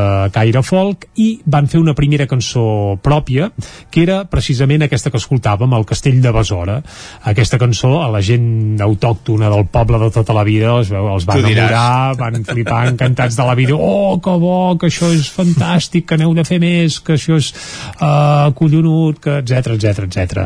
I clar, els de la Besora Acústic Band es van envalentonar, van dir, ostres, doncs, ei, que això eh, és un tro, per tant, per què no preparem unes quantes cançons més vinculades al territori i en fem un disc? I aquesta idea esbojarrada de cap de setmana va anar prenent forma i al final el que n'ha nascut és un disc que s'havia de presentar precisament el divendres sant de l'any passat que és la gran festa major de Santa Maria de Besora, que és quan fan el mercat medieval i el poble s'omple de visitants, però com que el mercat medieval de Santa Maria es va suspendre el, en l'edició del divendres sant d'aquest any, doncs al final el, el disc es va presentar per la Festa Major de Santa Maria a l'estiu i és un disc que inclou un total de 12 peces i totes són llegendes o històries del Bisaure. Carai.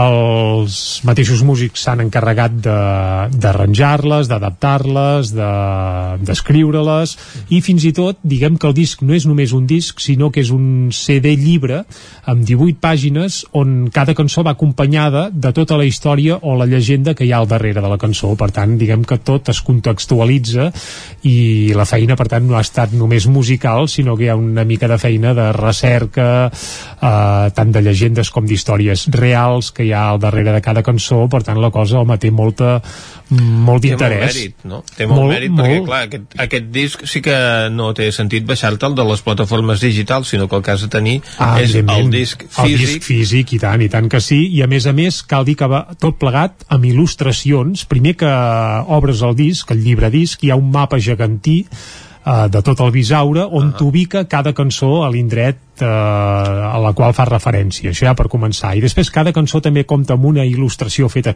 especialment també per l'ocasió de l'indret eh, del qual parla la cançó el Castell de Besora hi ha el Castell de Besora. El Collet de l'Home Mort que és un fragment que ara eh, n'escoltarem és un lloc que hi ha entre Santa Maria de Besora i Vidrà que es veu que és real aquest indret. Eh, i va aparèixer un home mort fa molts anys i sembla que tot venia d'una baralla eh, evidentment per una dona que, que vaja diguem que la pretenien dos pretendents, un de Santa Maria, un de Vidrà, i al final va ser per cap, perquè es veu que tots dos van acabar apunyalades, aganivetades i morts. Carai, tu. Una tràgica història. sí. Uh, ara l'escoltarem, uh, n'escoltarem un fragment en aquesta peça, El collet de l'home mort, una altra de les peces que hi ha en aquest disc, en el primer disc de la Besora Acoustic Band. Un fragment. El de Moreu carrega seva arma i se'n va al barretó, assassina el baró. Boira tancada de freda matinada, un tret de traïció, ressona el cull del forn. Ves al collet de l'home mort, allà veuràs una creu de doble braç. És el collet de l'home mort, on la bonica dama li va canviar la sort. Aquesta creu de doble braç a la qual fa referència la cançó existeix i és real, eh? Per tant, tot i que sembli que és una llegenda tot plegat, eh, doncs té certa lògica i fins i tot hi ha això, eh, referents històrics com aquesta creu. Eh, qui són la Besora Acoustic Band? Abans ho hem citat un pèl, eh? El Josep Lluís Ramell, que per cert és terrassenc, tot i que ara és de Santa Maria de Besora, a Terrassa té un grup de rock and roll, per tant, i encara el té actiu, eh? És a dir, que continua actiu, però quan és a Santa Maria de Besora, doncs agafa la guitarra acústica i s'encarrega de les guitarres a la Besora Acoustic Band. Uh, també completen el quintet, que són cinc els músics de la Besora Acoustic Band, la Txell Moreno, que és la veu i percussió, és aquesta noia que sentim cantar, potser no amb accent de Santa Maria de Besora, però, però bé, ara també n'és, per tant, uh, alegria. També el Cito Moreno, que toca guitarra i baix, l'Arnau Moreno el violí, i la Caral Moreno, que s'encarrega de les flautes travesseres, el flautí i també de les veus. Tots els Morenos són família, per tant, diguem que tot queda una mica... Uh, tot queda a casa. I després també una altra qüestió que volem comentar és a dir, la Besora Acústic Band ha agafat un aire uh, folk uh, celta, saps? Sí. És a dir, tot plegat podien haver fet, uh, no sé, en format de grup de rock, en format més acústic i tot plegat, però no, ells han agafat aquest aire uh, sobretot molt irlandès de sonoritat, amb la flauta molt present, sempre dibuixant melodies, amb guitarres acústiques de fons i una percussió que no és una bateria convencional, sinó sobretot aquesta espècie de panderetes o tambors també molt presents en la iconografia i també amb la sonoritat de la música celta uh -huh. i tot plegat agafa un aire doncs, doncs, molt i molt llaminer i la veritat és que més està molt ben gravat aquest disc, molt ben presentat i eh, segur, n'estic convençut que és el disc més venut al segle XXI, si més no el Bisaure no a les botigues de discos del Bisaure perquè no n'hi ha cap, però sí que es pot trobar a tots els pobles del Bisaure, perquè per cert l'edició del disc ja hem dit que és una edició d'autèntic luxe eh, acompanyada d'un llibre Mhm. -huh. tot plegat doncs els ajuntaments del Bisaure hi han col·laborat i han fet possible que això pugui ser realitat evidentment aquest disc s'havia de presentar a cadascun dels municipis del Bisaure. La pandèmia ha fet que de moment només s'hagi pogut presentar a Santa Maria de Besora. I bé, sí que és evident que s'han ajornat altres cites però ja ens han comunicat des dels músics que la seva intenció és que quan es pugui tocar tots els pobles del Bisaure i fins i tot més enllà i presentar uh, un disc que la veritat és que val molt la pena Ara escoltarem una altra de les cançons que hi ha, en aquest cas, El cavaller de Milany. Dius, ostres, Milany ja queda cap al Ripollès, eh? Sí. Sí, però tot té lligams amb, amb el Bisaure. També hi ha un i... castell allà. Correcte, i parant l'orella a la cançó potser potser sabem quin és el lligam bisaurenc del cavaller de Milany. No escoltem un fragment, va.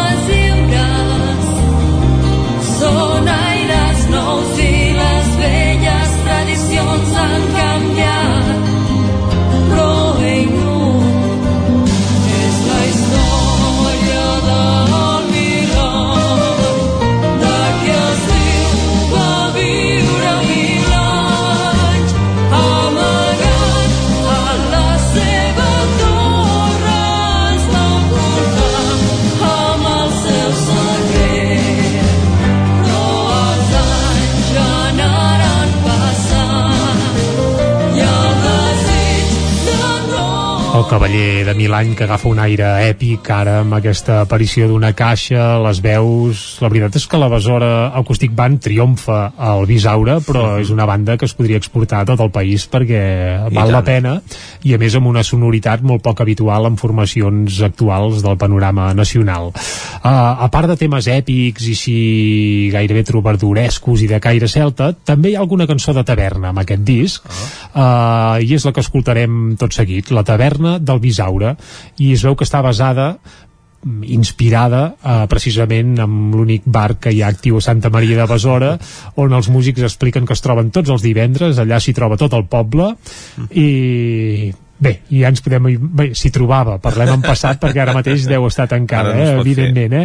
però quan es pot es trobava tot el poble allà, a fer unes cervesetes a fer caliu, que d'això es tracta i tot aquest esperit de germanor i d'alegria doncs es pot trobar en aquesta peça, la taverna del Bisaure. N'escoltem ara també un fragment. Per aquí, si vols venir a la taverna, millor porta el teu porró. No t'oblidis la cervesa o millor un barril de ron. Escolta, masonera, que no falti de res, que aquesta última ronda la paguin els festers. La tavernera farta comença a remugar Passeu ja de la taula, que sempre esteu igual. Borratxos de taverna, dur postró no és normal. S'ha acabat la gresca, ja no us serveixo més. Sortiu de la taverna, que tanco ara mateix. Aquesta cançó en directe aquí deu ser una festa, és a dir, tot seriot, però després agafa aquest to així desenfadat, que la veritat és que també s'agreix, i a més aquí es nota eh, que a les veus no hi ha només No hi ha les dones. no. bé, sí, també n'apareix alguna però diguem que la cosa és més aixelebrada i més festiva. Uh, i també està bé, clar que sí. Va, per acabar escoltarem una altra de les peces que hi ha al disc, en aquest cas es titula Forat Micó. És un espai geogràfic que existeix, evidentment, situat, eh, no sé si és en terme de Sant Pere de Torelló, això mm, caldria assegurar-ho, però bueno, en tot cas a tocar de Vidrà i Santa Maria de Besora, i bé, una altra de les peces que podem sentir en aquest llibre disc que es titula Musicant històries i llegendes del Bisaure, que és el primer treball de la Besora Acoustic Band. Una formació que, per cert, eh, tindrà continuïtat i diu que ja estan treballant amb noves llegendes i noves propostes per tenir eh, preparat d'aquí un temps doncs, un segon disc, per exemple, per tant caldrà seguir-los. Marxem amb Doncs el Forat exacte. Micó, un fragment. Ah, exacte. A reveure a Territori 17 seguim per això, eh? No marxeu. El forat micó. Territori 17. El nou FM, la ràdio de casa, al 92.8. No em trec la imatge dels nens amb cara de velocitat baixant per la pista vermella. Sí, molt divertit. I quin fred. Uh. Tranquil·la, he deixat l'estufa encesa i, la casa està calenta. Sempre tenim sort de comptar amb Corretja. Són especialistes en aïllaments i estufes. Acabar la jornada d'esquí amb la família al voltant de l'estufa i amb aïllaments de primera és 100% corretja. Corretja. Tot i més a corretja-sl.com. Cocodril Club. Si t'agrada la bona música dels anys 60, 70 i 80, escolta el 9 FM els matins de dissabtes i diumenges d'11 a 1. És el temps del Cocodril Club, tot un clàssic de la ràdio, amb les bases del pop-rock, les llegendes, les cançons que s'han convertit en autèntics himnes. Recorda, dissabtes i diumenges al matí, d'11 a 1, al 9 FM 92.8. Cocodril Club. El programa revival de l'Albert Malla. Hasta luego, cocodrilo. Cobertes serveis funeraris. Els nostres tanatoris estan ubicats en els nuclis urbans més poblats de la comarca d'Osona per oferir un millor servei. Tanatori de Vic, Tanatori de Manlleu, Tanatori de Centelles i Tanatori de Roda de Ter. Sabem que són moments difícils i per això el nostre compromís és atendre-us en tot moment amb un tracte humà, sensible i respectuós. Cobertes serveis funeraris. Telèfon 24 hores 93 883 23 46. Vols trencar amb l'oligopoli de l'IBEX 35? Apunta't al consum estratègic i comença a consumir serveis catalans. Per això et convidem a omplir el dipòsit a Petrolis Independents. A Osona ens trobaràs al polígon Mas Galí de Vic i a Centelles just després de la sortida sud. Si vols factura, entra a la nostra pàgina web petrolisindependents.cat i dona't d'alta. Comença a ser independent. Tenim la força de l'amor. Pintures Xevi Soler. Tot en pintures. Façanes, obra nova, rehabilitacions interiors de vivenda, estucs, microciments, pintura industrial, motllures, terres vinílics... Pintures Xevi Soler. Ens agrada assessorar-vos i fer de casa vostra el millor lloc del món. Ens trobareu a Manlleu, al carrer Sogorb 113, telèfon 616 15 87 33 o 93 851 3504. Cada territori té un atractiu, o més d'un. El fruit, el paisatge, la seva gent, les pedres... Camins de l'Eix. Descobrint el capital de terra endins. Camins de l'Eix, dissabte a les 9 del vespre al 9 TV. Aquesta setmana, la Vall del Corp, amb el suport de la Generalitat de Catalunya. 7 milions i mig de futurs.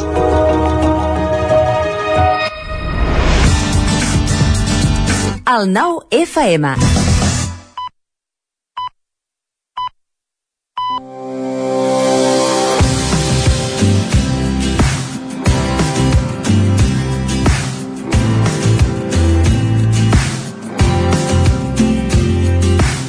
Doncs avui, per acabar la setmana, descobrim la capital de la comarca, Tarragona.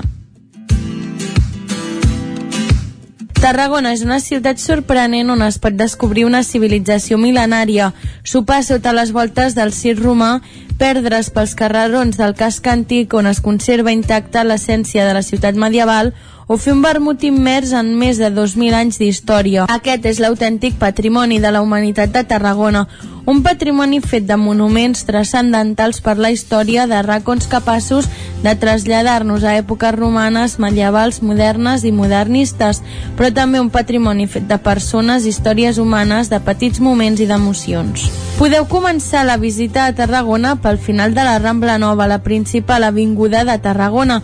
Aquesta rambla de més d'un quilòmetre travessa diagonalment el centre de la ciutat i alberga nombroses terrasses, escultures, botigues i hotels. La Rambla es va obrir al públic a l'any 1857, al lloc on s'acabava d'enderrocar l'antiga muralla medieval que separava el casc antic del barri del Port. La Rambla Nova desemboca a un dels punts més emblemàtics de la ciutat, al balcó del Mediterrani. Aquest gran mirador, ubicat a 40 metres sobre el nivell del mar, ofereix unes vistes magnífiques del litoral, incloent el port i l'amfiteatre. Els tarragonins acostumen a dir anar a tocar ferro quan parlen d'aquest lloc, en referència a la seva brana metàl·lica de 1899. Seguint pel litoral en direcció est, us topareu amb l'amfiteatre de Tarraco, joia de la corona i peça fonamental del conjunt arqueològic declarat Patrimoni Mundial. Construït al segle II, aquest amfiteatre tenia capacitat per 14.000 persones i acostumava a albergar espectacles amb feres, lluita de gladiadors i fins i tot execucions públiques. Allà, a l'any 259, va ser cremat viu a l'obispe Fructuós i dos dels seus diàcans. A finals del segle VI es va construir l'amfiteatre una basílica en honor a aquells màrtirs cristians, tot i que avui dia només se'n conserven els ciments. Sobre les seves runes es va edificar més tard l'església de Santa Maria del Miracle, les seves restes sí que són perfectament visibles a dia d'avui. L'amfiteatre segueix tenint ús avui dia i és una de les principals seus del Festival Tarraco Viva que es celebra al maig. I avui, per acabar la ruta, el casc antic de Tarragona o la Para Alta, un barri que ocupa el que hauria sigut el foro provincial, delimitat per les antigues muralles romanes. La plaça dels Reis és un dels seus racons amb més encant, i a més a més és un lloc ideal per anar a prendre alguna cosa. Alberga la Torre del Pretori, el Museu Nacional Arqueològic i una església barroca del segle XVI. Territori 17 A Tren d'Alba. Cada dia els usuaris de la línia R3 de Rodalies que veuen sortir el sol des d'un vagó ens expliquen les gràcies i les penes del primer comboi que uneix Ripoll i Barcelona. Benvinguts a Tren d'Alba. Doncs avui continuem explicant-vos tot el que es va debatre al ple de Vic sobre la moció conjunta de tots els partits per reclamar el desdoblament i la millora de la línia R3. En el ple es va insistir en que la línia R3 dona un servei de nord a sud de Catalunya al llarg de l'est del riu Congost, connectant l'àrea metropolitana de Barcelona amb Osona, el Ripollès i la Cerdanya, i que per tant és l'únic canal ferroviari en aquest corredor. Per això el tren és el mode de transport públic col·lectiu de més capacitat i el que ha d'estar al capdamunt de la jerarquia de transport i vertebrant-ne l'oferta. Malgrat això, i no ens ho han pas de dir, el temps del recorregut de l'R3 són poc competitius en relació amb altres modes de transport, com el cotxe, per exemple. També val a dir que el major grau de desenvolupament de la xarxa viària en el corredor de Barcelona a Ripoll fa que sovint la comunicació sigui més ràpida en un vehicle privat i en algunes relacions, com entre Vic i Barcelona, també en autobús. A més, el transvasament del passatge, a modes menys eficients en termes de capacitat, com el vehicle privat a l'autobús, per donar resposta a l'alta demanda troncal del corredor de la línia R3, suposa més costos ambientals i econòmics pel conjunt de la població. En fi, la pròxima setmana us explicaré més coses. Va, ens retrobem dilluns i recordeu que ja portem un retard acumulat de 4 hores i 35 minuts des de l'inici d'aquest mes de setembre. Territori 17. I després de passar pel Descobrint Catalunya aquesta setmana al Tarragonès i d'anar a la R3, Vicenç, el que ens toca ara és anar cap a la Foc Lent perquè passarem, parlarem de gastronomia. Oh, i tant, anem-hi. Vinga.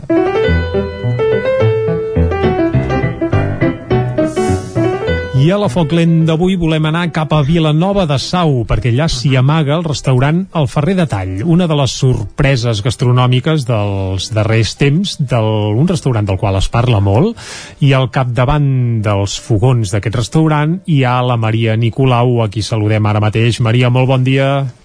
Hola, molt bon dia. Molt bon dia, i primer de tot hem de parlar una mica per com esteu, vaja, d'estat d'ànim, perquè m'imagino que porteu uns quants dies ja tancats, no sé quina és la situació ara mateix al Ferrer de Tall, si també feu alguns menús per endur o no, com ho esteu vivint tot plegat?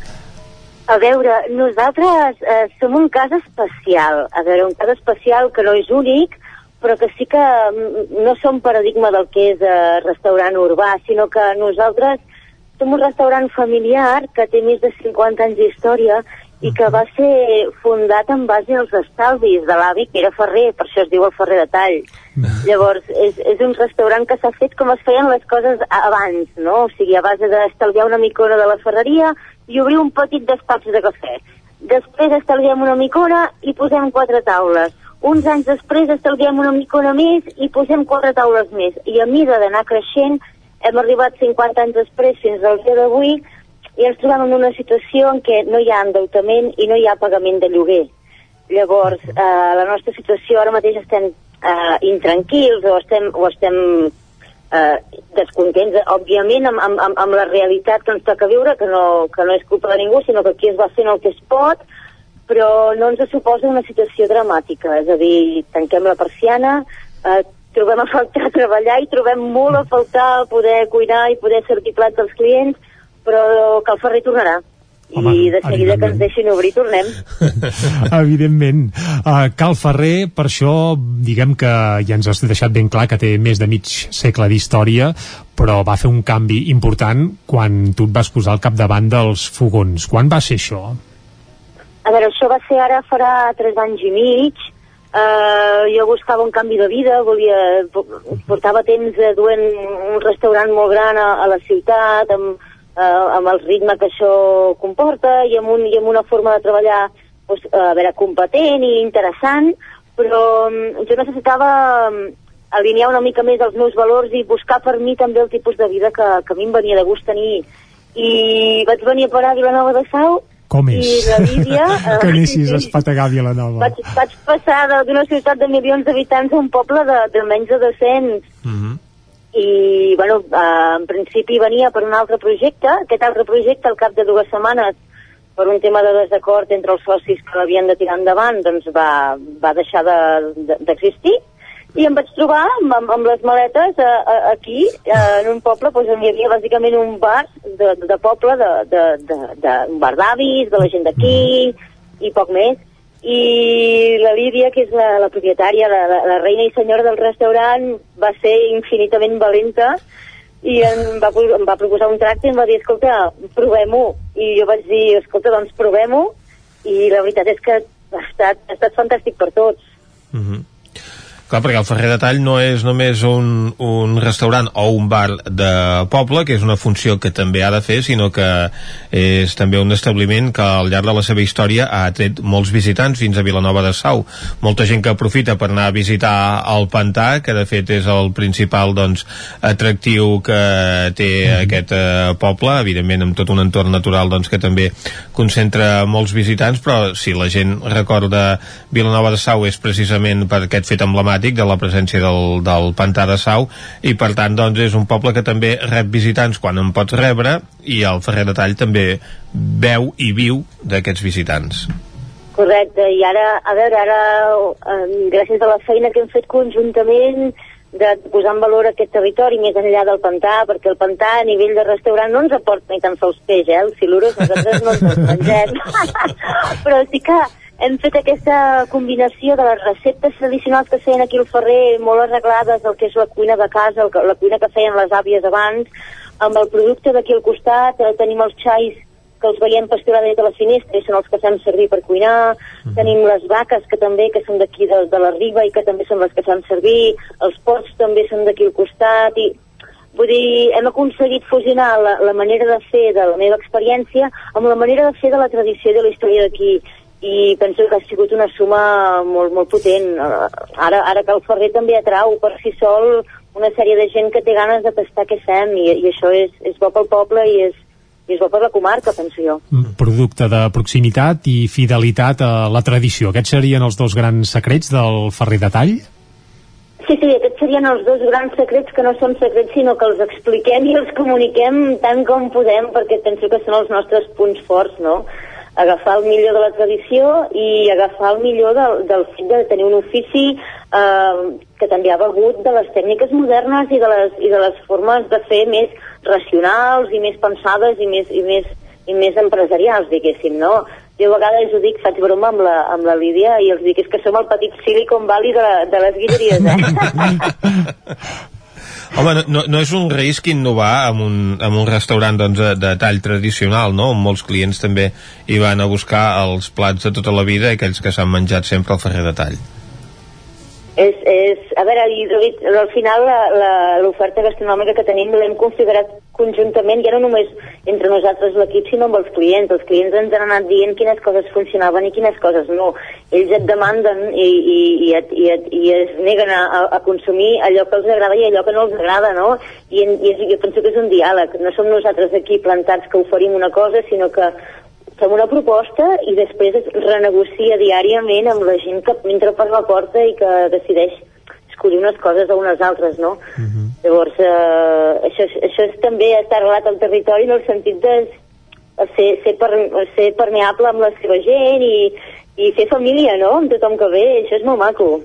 Uh, tornem, bueno, anem al calendari del Ferrer de Tall, esperem que pugueu reobrir ben aviat, tant de bo, uh, en condicions habituals, quan obre el Ferrer de Tall? I quin tipus de clientela hi ha, m'imagino que canvia molt. Entre setmana que al cap de setmana, on deveu tenir molts visitants, fins i tot de fora la comarca, eh?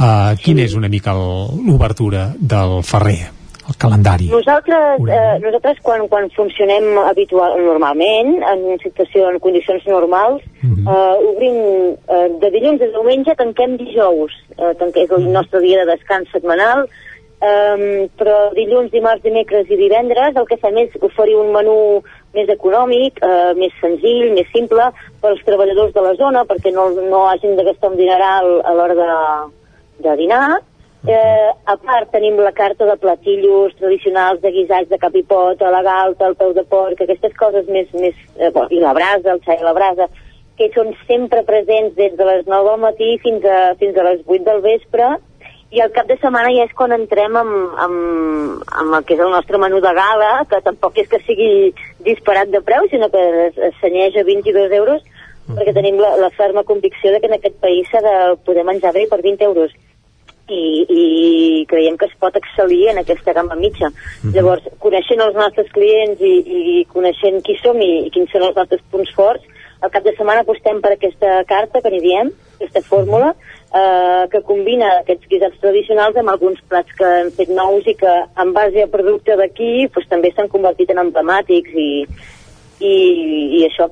Entre setmana tenim pues, això més clients treballadors, la cosa és una micona més, més, més tranquil·la, i ens permet a les cuineres eh, omplir les neveres de guisats i de sofregits i de, i de salses per de cara al cap de setmana sí que llavors generalment s'ha de reservar perquè omplim divendres, i omplim els dissabtes i omplim els diumenges de gent que ve a, a visitar el pantà suposo que també amb el, amb el tancament Bé, o gent que ve expressament al Ferrer de Tall, eh? ja ho podem dir ras i curt, eh? molta gent visita Vilanova i el, vaja, les guilleries en general amb l'excusa, bé, o amb el pretext de, de recaure i tastar els plats que feu al Ferrer de Tall.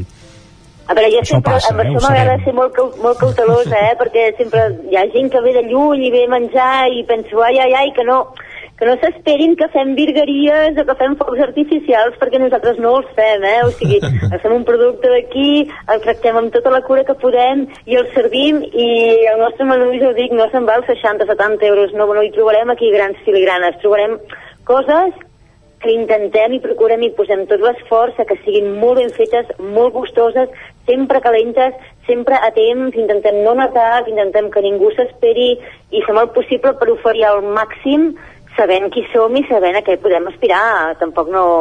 Sempre, hi ha gent que diu, oh, el fora de tall, dic, espera un moment, no ens pensem que som la... ni Can Faves ni el Bulli, això és un restaurant de poble i fem cuina de poble i és una cuina que és bona i a mi la meva obligació és dir que és bona i després quan vinguin demostrar que no els enganyo Home, eh, això ho demostra doncs, el fet precisament que fa uns dies hi va haver una certa polèmica no? que tu mateixa vas desvetllar arran de la qualitat del menú que vosaltres oferiu per 22 euros doncs que eh, semblava que per alguns companys de professió això no podia ser, no? Uh, bueno, a veure, jo penso que això són una mica um, tics, no? Uh, tics de, de, de coses d'abans. Uh -huh. uh, també jo entenc que aquí a, a Osona uh, hi, ha, hi ha unes tradicions, hi ha restaurants de molta solera i de molta anomenada, uh -huh. i, i jo, jo entenc perfectament que, que, que vingui una nana jove aquí i faci coses uh, per 22 euros, doncs una mica de, demostra de facto, o sigui, de fet, sense uh -huh. haver de, de fer gaires discursos, que això es pot fer i que els números surten perquè bé que nosaltres ens estem guanyant els sous i, i, pagant, i pagant llum, aigua i gas, no? Llavors, uh -huh. eh, cadascú jo penso que ha de saber quins són els seus punts forts i en el seu restaurant apostar per aquests punts forts amb honestedat. Jo crec que el corporativisme a la llarga acaba, acaba sortint perdent. Uh -huh. um... I crec que, que tenim molt, tots moltes coses a portar com per haver d'estar mirant què fa el veí. Maria, uh, pel dia que vinguem aquí al Ferrer de Tall, què ens aconselles que et demanem? La, a veure, la meva obligació és dir-vos que tot el que fem és La bo. carta. Que Tots són, som com Ava, eh? No tenim cares bé. Tots som temes guanyadors, eh? Sí, sí, sí, sí. Veig que fan Ja, de ja Sidoní manera. també, eh? La Maria Nicolau o no, no sé, eh? Però vaja. Molt bé. doncs jo, jo penso que, que, tot, que fins i tot gent que s'espanta, que diu, uf, serà tot molt car. No, hi ha plats que per vegans, plats per vegetarians, que no estan pensats per ser vegans, sinó que són com són i són aptes per vegans.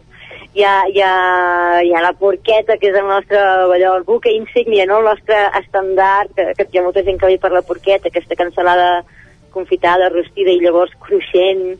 Hi ha gent que ve per la capipota, jo penso que, que ho he de dir, que fem la millor capipota de l'univers. Sí, sí, sí. El fricandó, no ho sé, jo penso que, que hi ha coses a tastar i, i, i que, que us ho podeu passar bé si veniu. I segurament també hi ha coses a tastar de, de temporada, perquè ja que ens parlaves doncs, que les carns són de- d'allà mateix, que es poden veure des del restaurant o que són de la zona, però també hi ha productes de la zona i més en aquesta temporada com els bolets que segur que també entren a la cuina del Ferrer de Tall en aquesta època de l'any. I tant com sí, bueno, sempre hi ha remenats de bolet, eh, el- fricandó va, va canviant, a vegades amb trompetes, a vegades és amb, amb, amb una cosa o una altra, segons el que tinguem. Fins fa, bueno, abans del tancament teníem una amanida d'uns tomàquets que fem combinats d'aquí, dels de l'or, de l'avi i, de, i dels que comprem d'aquí prop. Uh, ara no la podrem fer, haurem de buscar una altra cosa, farem amanides de carbassa eh, confitada, farem amanides de bolet, a veure, depèn del dia que puguem obrir, veurem què hi ha al mercat, i veurem què hi ha aquí, i veurem què fem. No, esperem que pugui ser ben aviat, evidentment, si no, mal, malament rai, eh? Mhm. No, no sé La quin... veritat que sí. Sí, Mari- Maria, no sé amb quin calendari treballeu al cap, eh? Creus que en 15 dies potser es podria reobrir o fa de molt mal preveure això, eh? A veure, jo, jo penso que, que a veure, el, els restauradors eh, voldríem obrir el més aviat possible, però també, per exemple, en aquest cas, si ens deixessin obrir, eh, però seguir mantenint el tancament perimetral als caps de setmana, per nosaltres seria una mica justet, perquè, de fet, els habitants del poble són els que són, són 200, vindrien un dia i el dia següent, però no poden pas venir cada dia per si que ens surtin els números, no? Llavors hauríem de mirar-ho, hauríem de mirar què fem, jo l'únic que puc dir és que estarem tots expectants a veure, a veure com, com va evolucionant tot.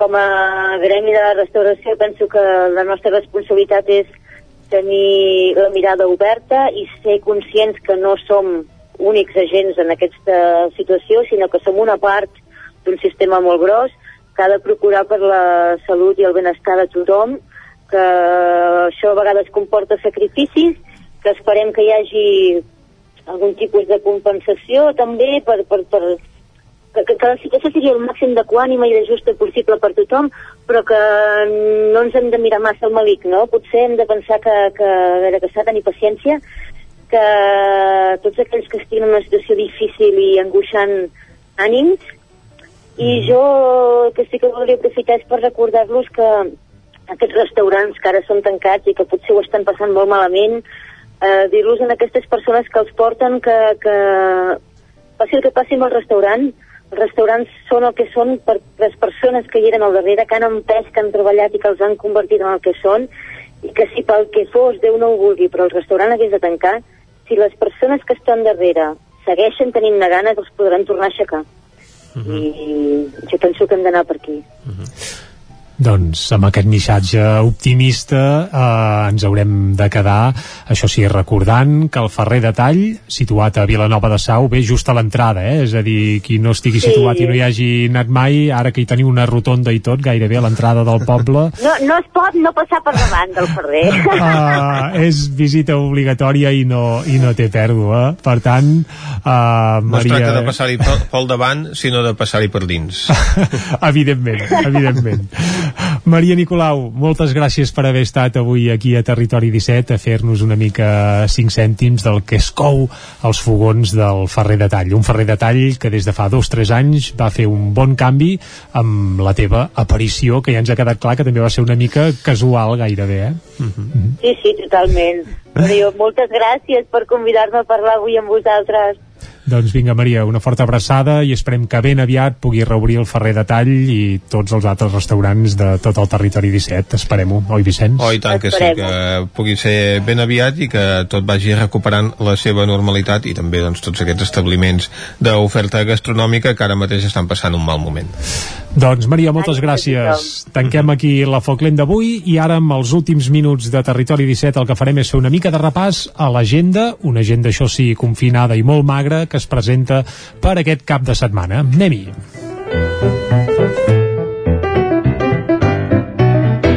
Territori 17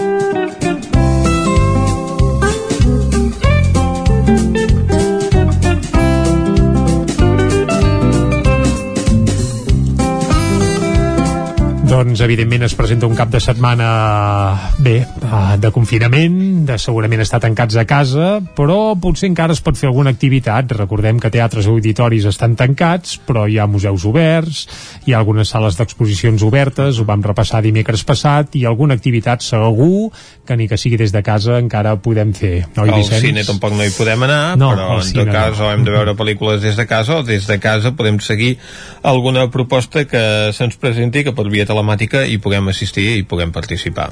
per exemple. Doncs vinga, uh, comencem aquest repàs, ja sigui per parlar d'agendes buides o plenes, uh -huh. anant cap a on, Vicenç? Doncs anem a Ràdio Cardedeu amb l'Òscar Muñoz. Bon dia, Òscar. Bon dia. Bon dia de nou.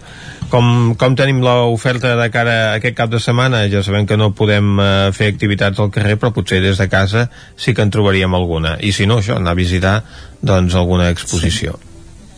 Doncs sí, parlarem d'agendes més o menys buides. Uh -huh. Recordar que aquest cap de setmana teníem a Granollers el, el novè Festival de Cinema Fantàstic de Terror, Uh -huh. que ha quedat cancel·lat, i també quedaria anul·lat el, el cicle de jazz que feien al, al casino de Granollers. Uh -huh. Vaja, que com el Em- de Terror, doncs també a Granollers s'han quedat Exacte. sense cinema de terror. Eh, no sé si hi ha, hi ha dates per la seva celebració. De, del festival aquest no, encara. Estan a l'expectativa de veure com evoluciona la situació, no?, per posar Ah, noves exacte, el dates. De Terror ja vam dir. Exacte, el Terror doncs, ja té noves dates que esperem que tot es vagi normalitzant de mica en mica i a veure doncs, si eh, en aquell moment també es pot dur a terme tal i com estava previst l'anterior cap de setmana. Exacte. Avui la Biblioteca Reconvert té unes activitats en línia que també podrem fer. Oh, i tant. Això està bé. Mm, sí, això està bé per fomentar La lectura. la que també lectura pot ser un cap de setmana de lectura. clar. I no tan menuts. A la biblioteca s'hi pot anar, això ho hem de, de deixar Sí. clar, a fer aquestes tasques d'intercanvi de, de préstec de, de, De llibres, de llibres de documentació, efectivament. Mhm. No, el que no s'hi pot anar és a la sala de, de consulta, però almenys les biblioteques ofereixen servei parcial. Sí. Òscar, parla'ns exactament, avui- d'aquesta activitat, va. Parlem, tenim llibres, tenim llibres. eh, avui a les a dos quarts de sis a dos quarts de set del llibre L'illa de la Paidonèsia. Aquesta, bueno, girarà, aquesta activitat girarà al voltant d'aquest llibre i pels més petits, els més infants, per llegir a casa i després es posaran en comú doncs, tots els neguits que han pogut tenir amb el llibre o, o dubtes que han pogut tenir. Mhm. Just després tenim també una altra activitat del llibre Llibre Pensadors, del David Lozano, i doncs també un grup de lectors ja aquest, una miqueta més de 12 a 15 anys i, i el mateix, tertúlia del llibre i comentar els neguits. Uh -huh. Doncs activitats I per per totes acabar les tenim- edats. Ah, Exacte. I per acabar tenim per, en diumenge un, un taller un taller com culinari, di- traduccions, club de lectura i cuina. La cuinera Ada Parellada conduir, conduirà aquestes tres sessions amb, que tot té relacionat amb la seva exposició que mengem avui. Uh -huh. Això està bé, parlar de teca. I més a aquesta hora, que ja ens Parlar de comencen teca. a roncar els budells. Sí, sí. Molt bé, doncs gràcies Òscar Muñoz des de Ràdio Cardedeu a la veu de Sant Joan i a l'Isaac Muntades. Isaac, bon dia de nou. Bon dia de nou. Doncs eh, poca activitat, no, Ripollès? Sí, poca activitat. Eh, realment, mireu, us puc destacar que hi ha una exposició que no vam comentar dimecres de, de Lluïsa Molina, que es diu Mirades, és una exposició doncs, pictòrica que es podrà veure a la sala Josep Maria Anglada de la Biblioteca Lambert Mata, eh, que es troba situada, com ja sabeu, a la plaça 1 d'octubre.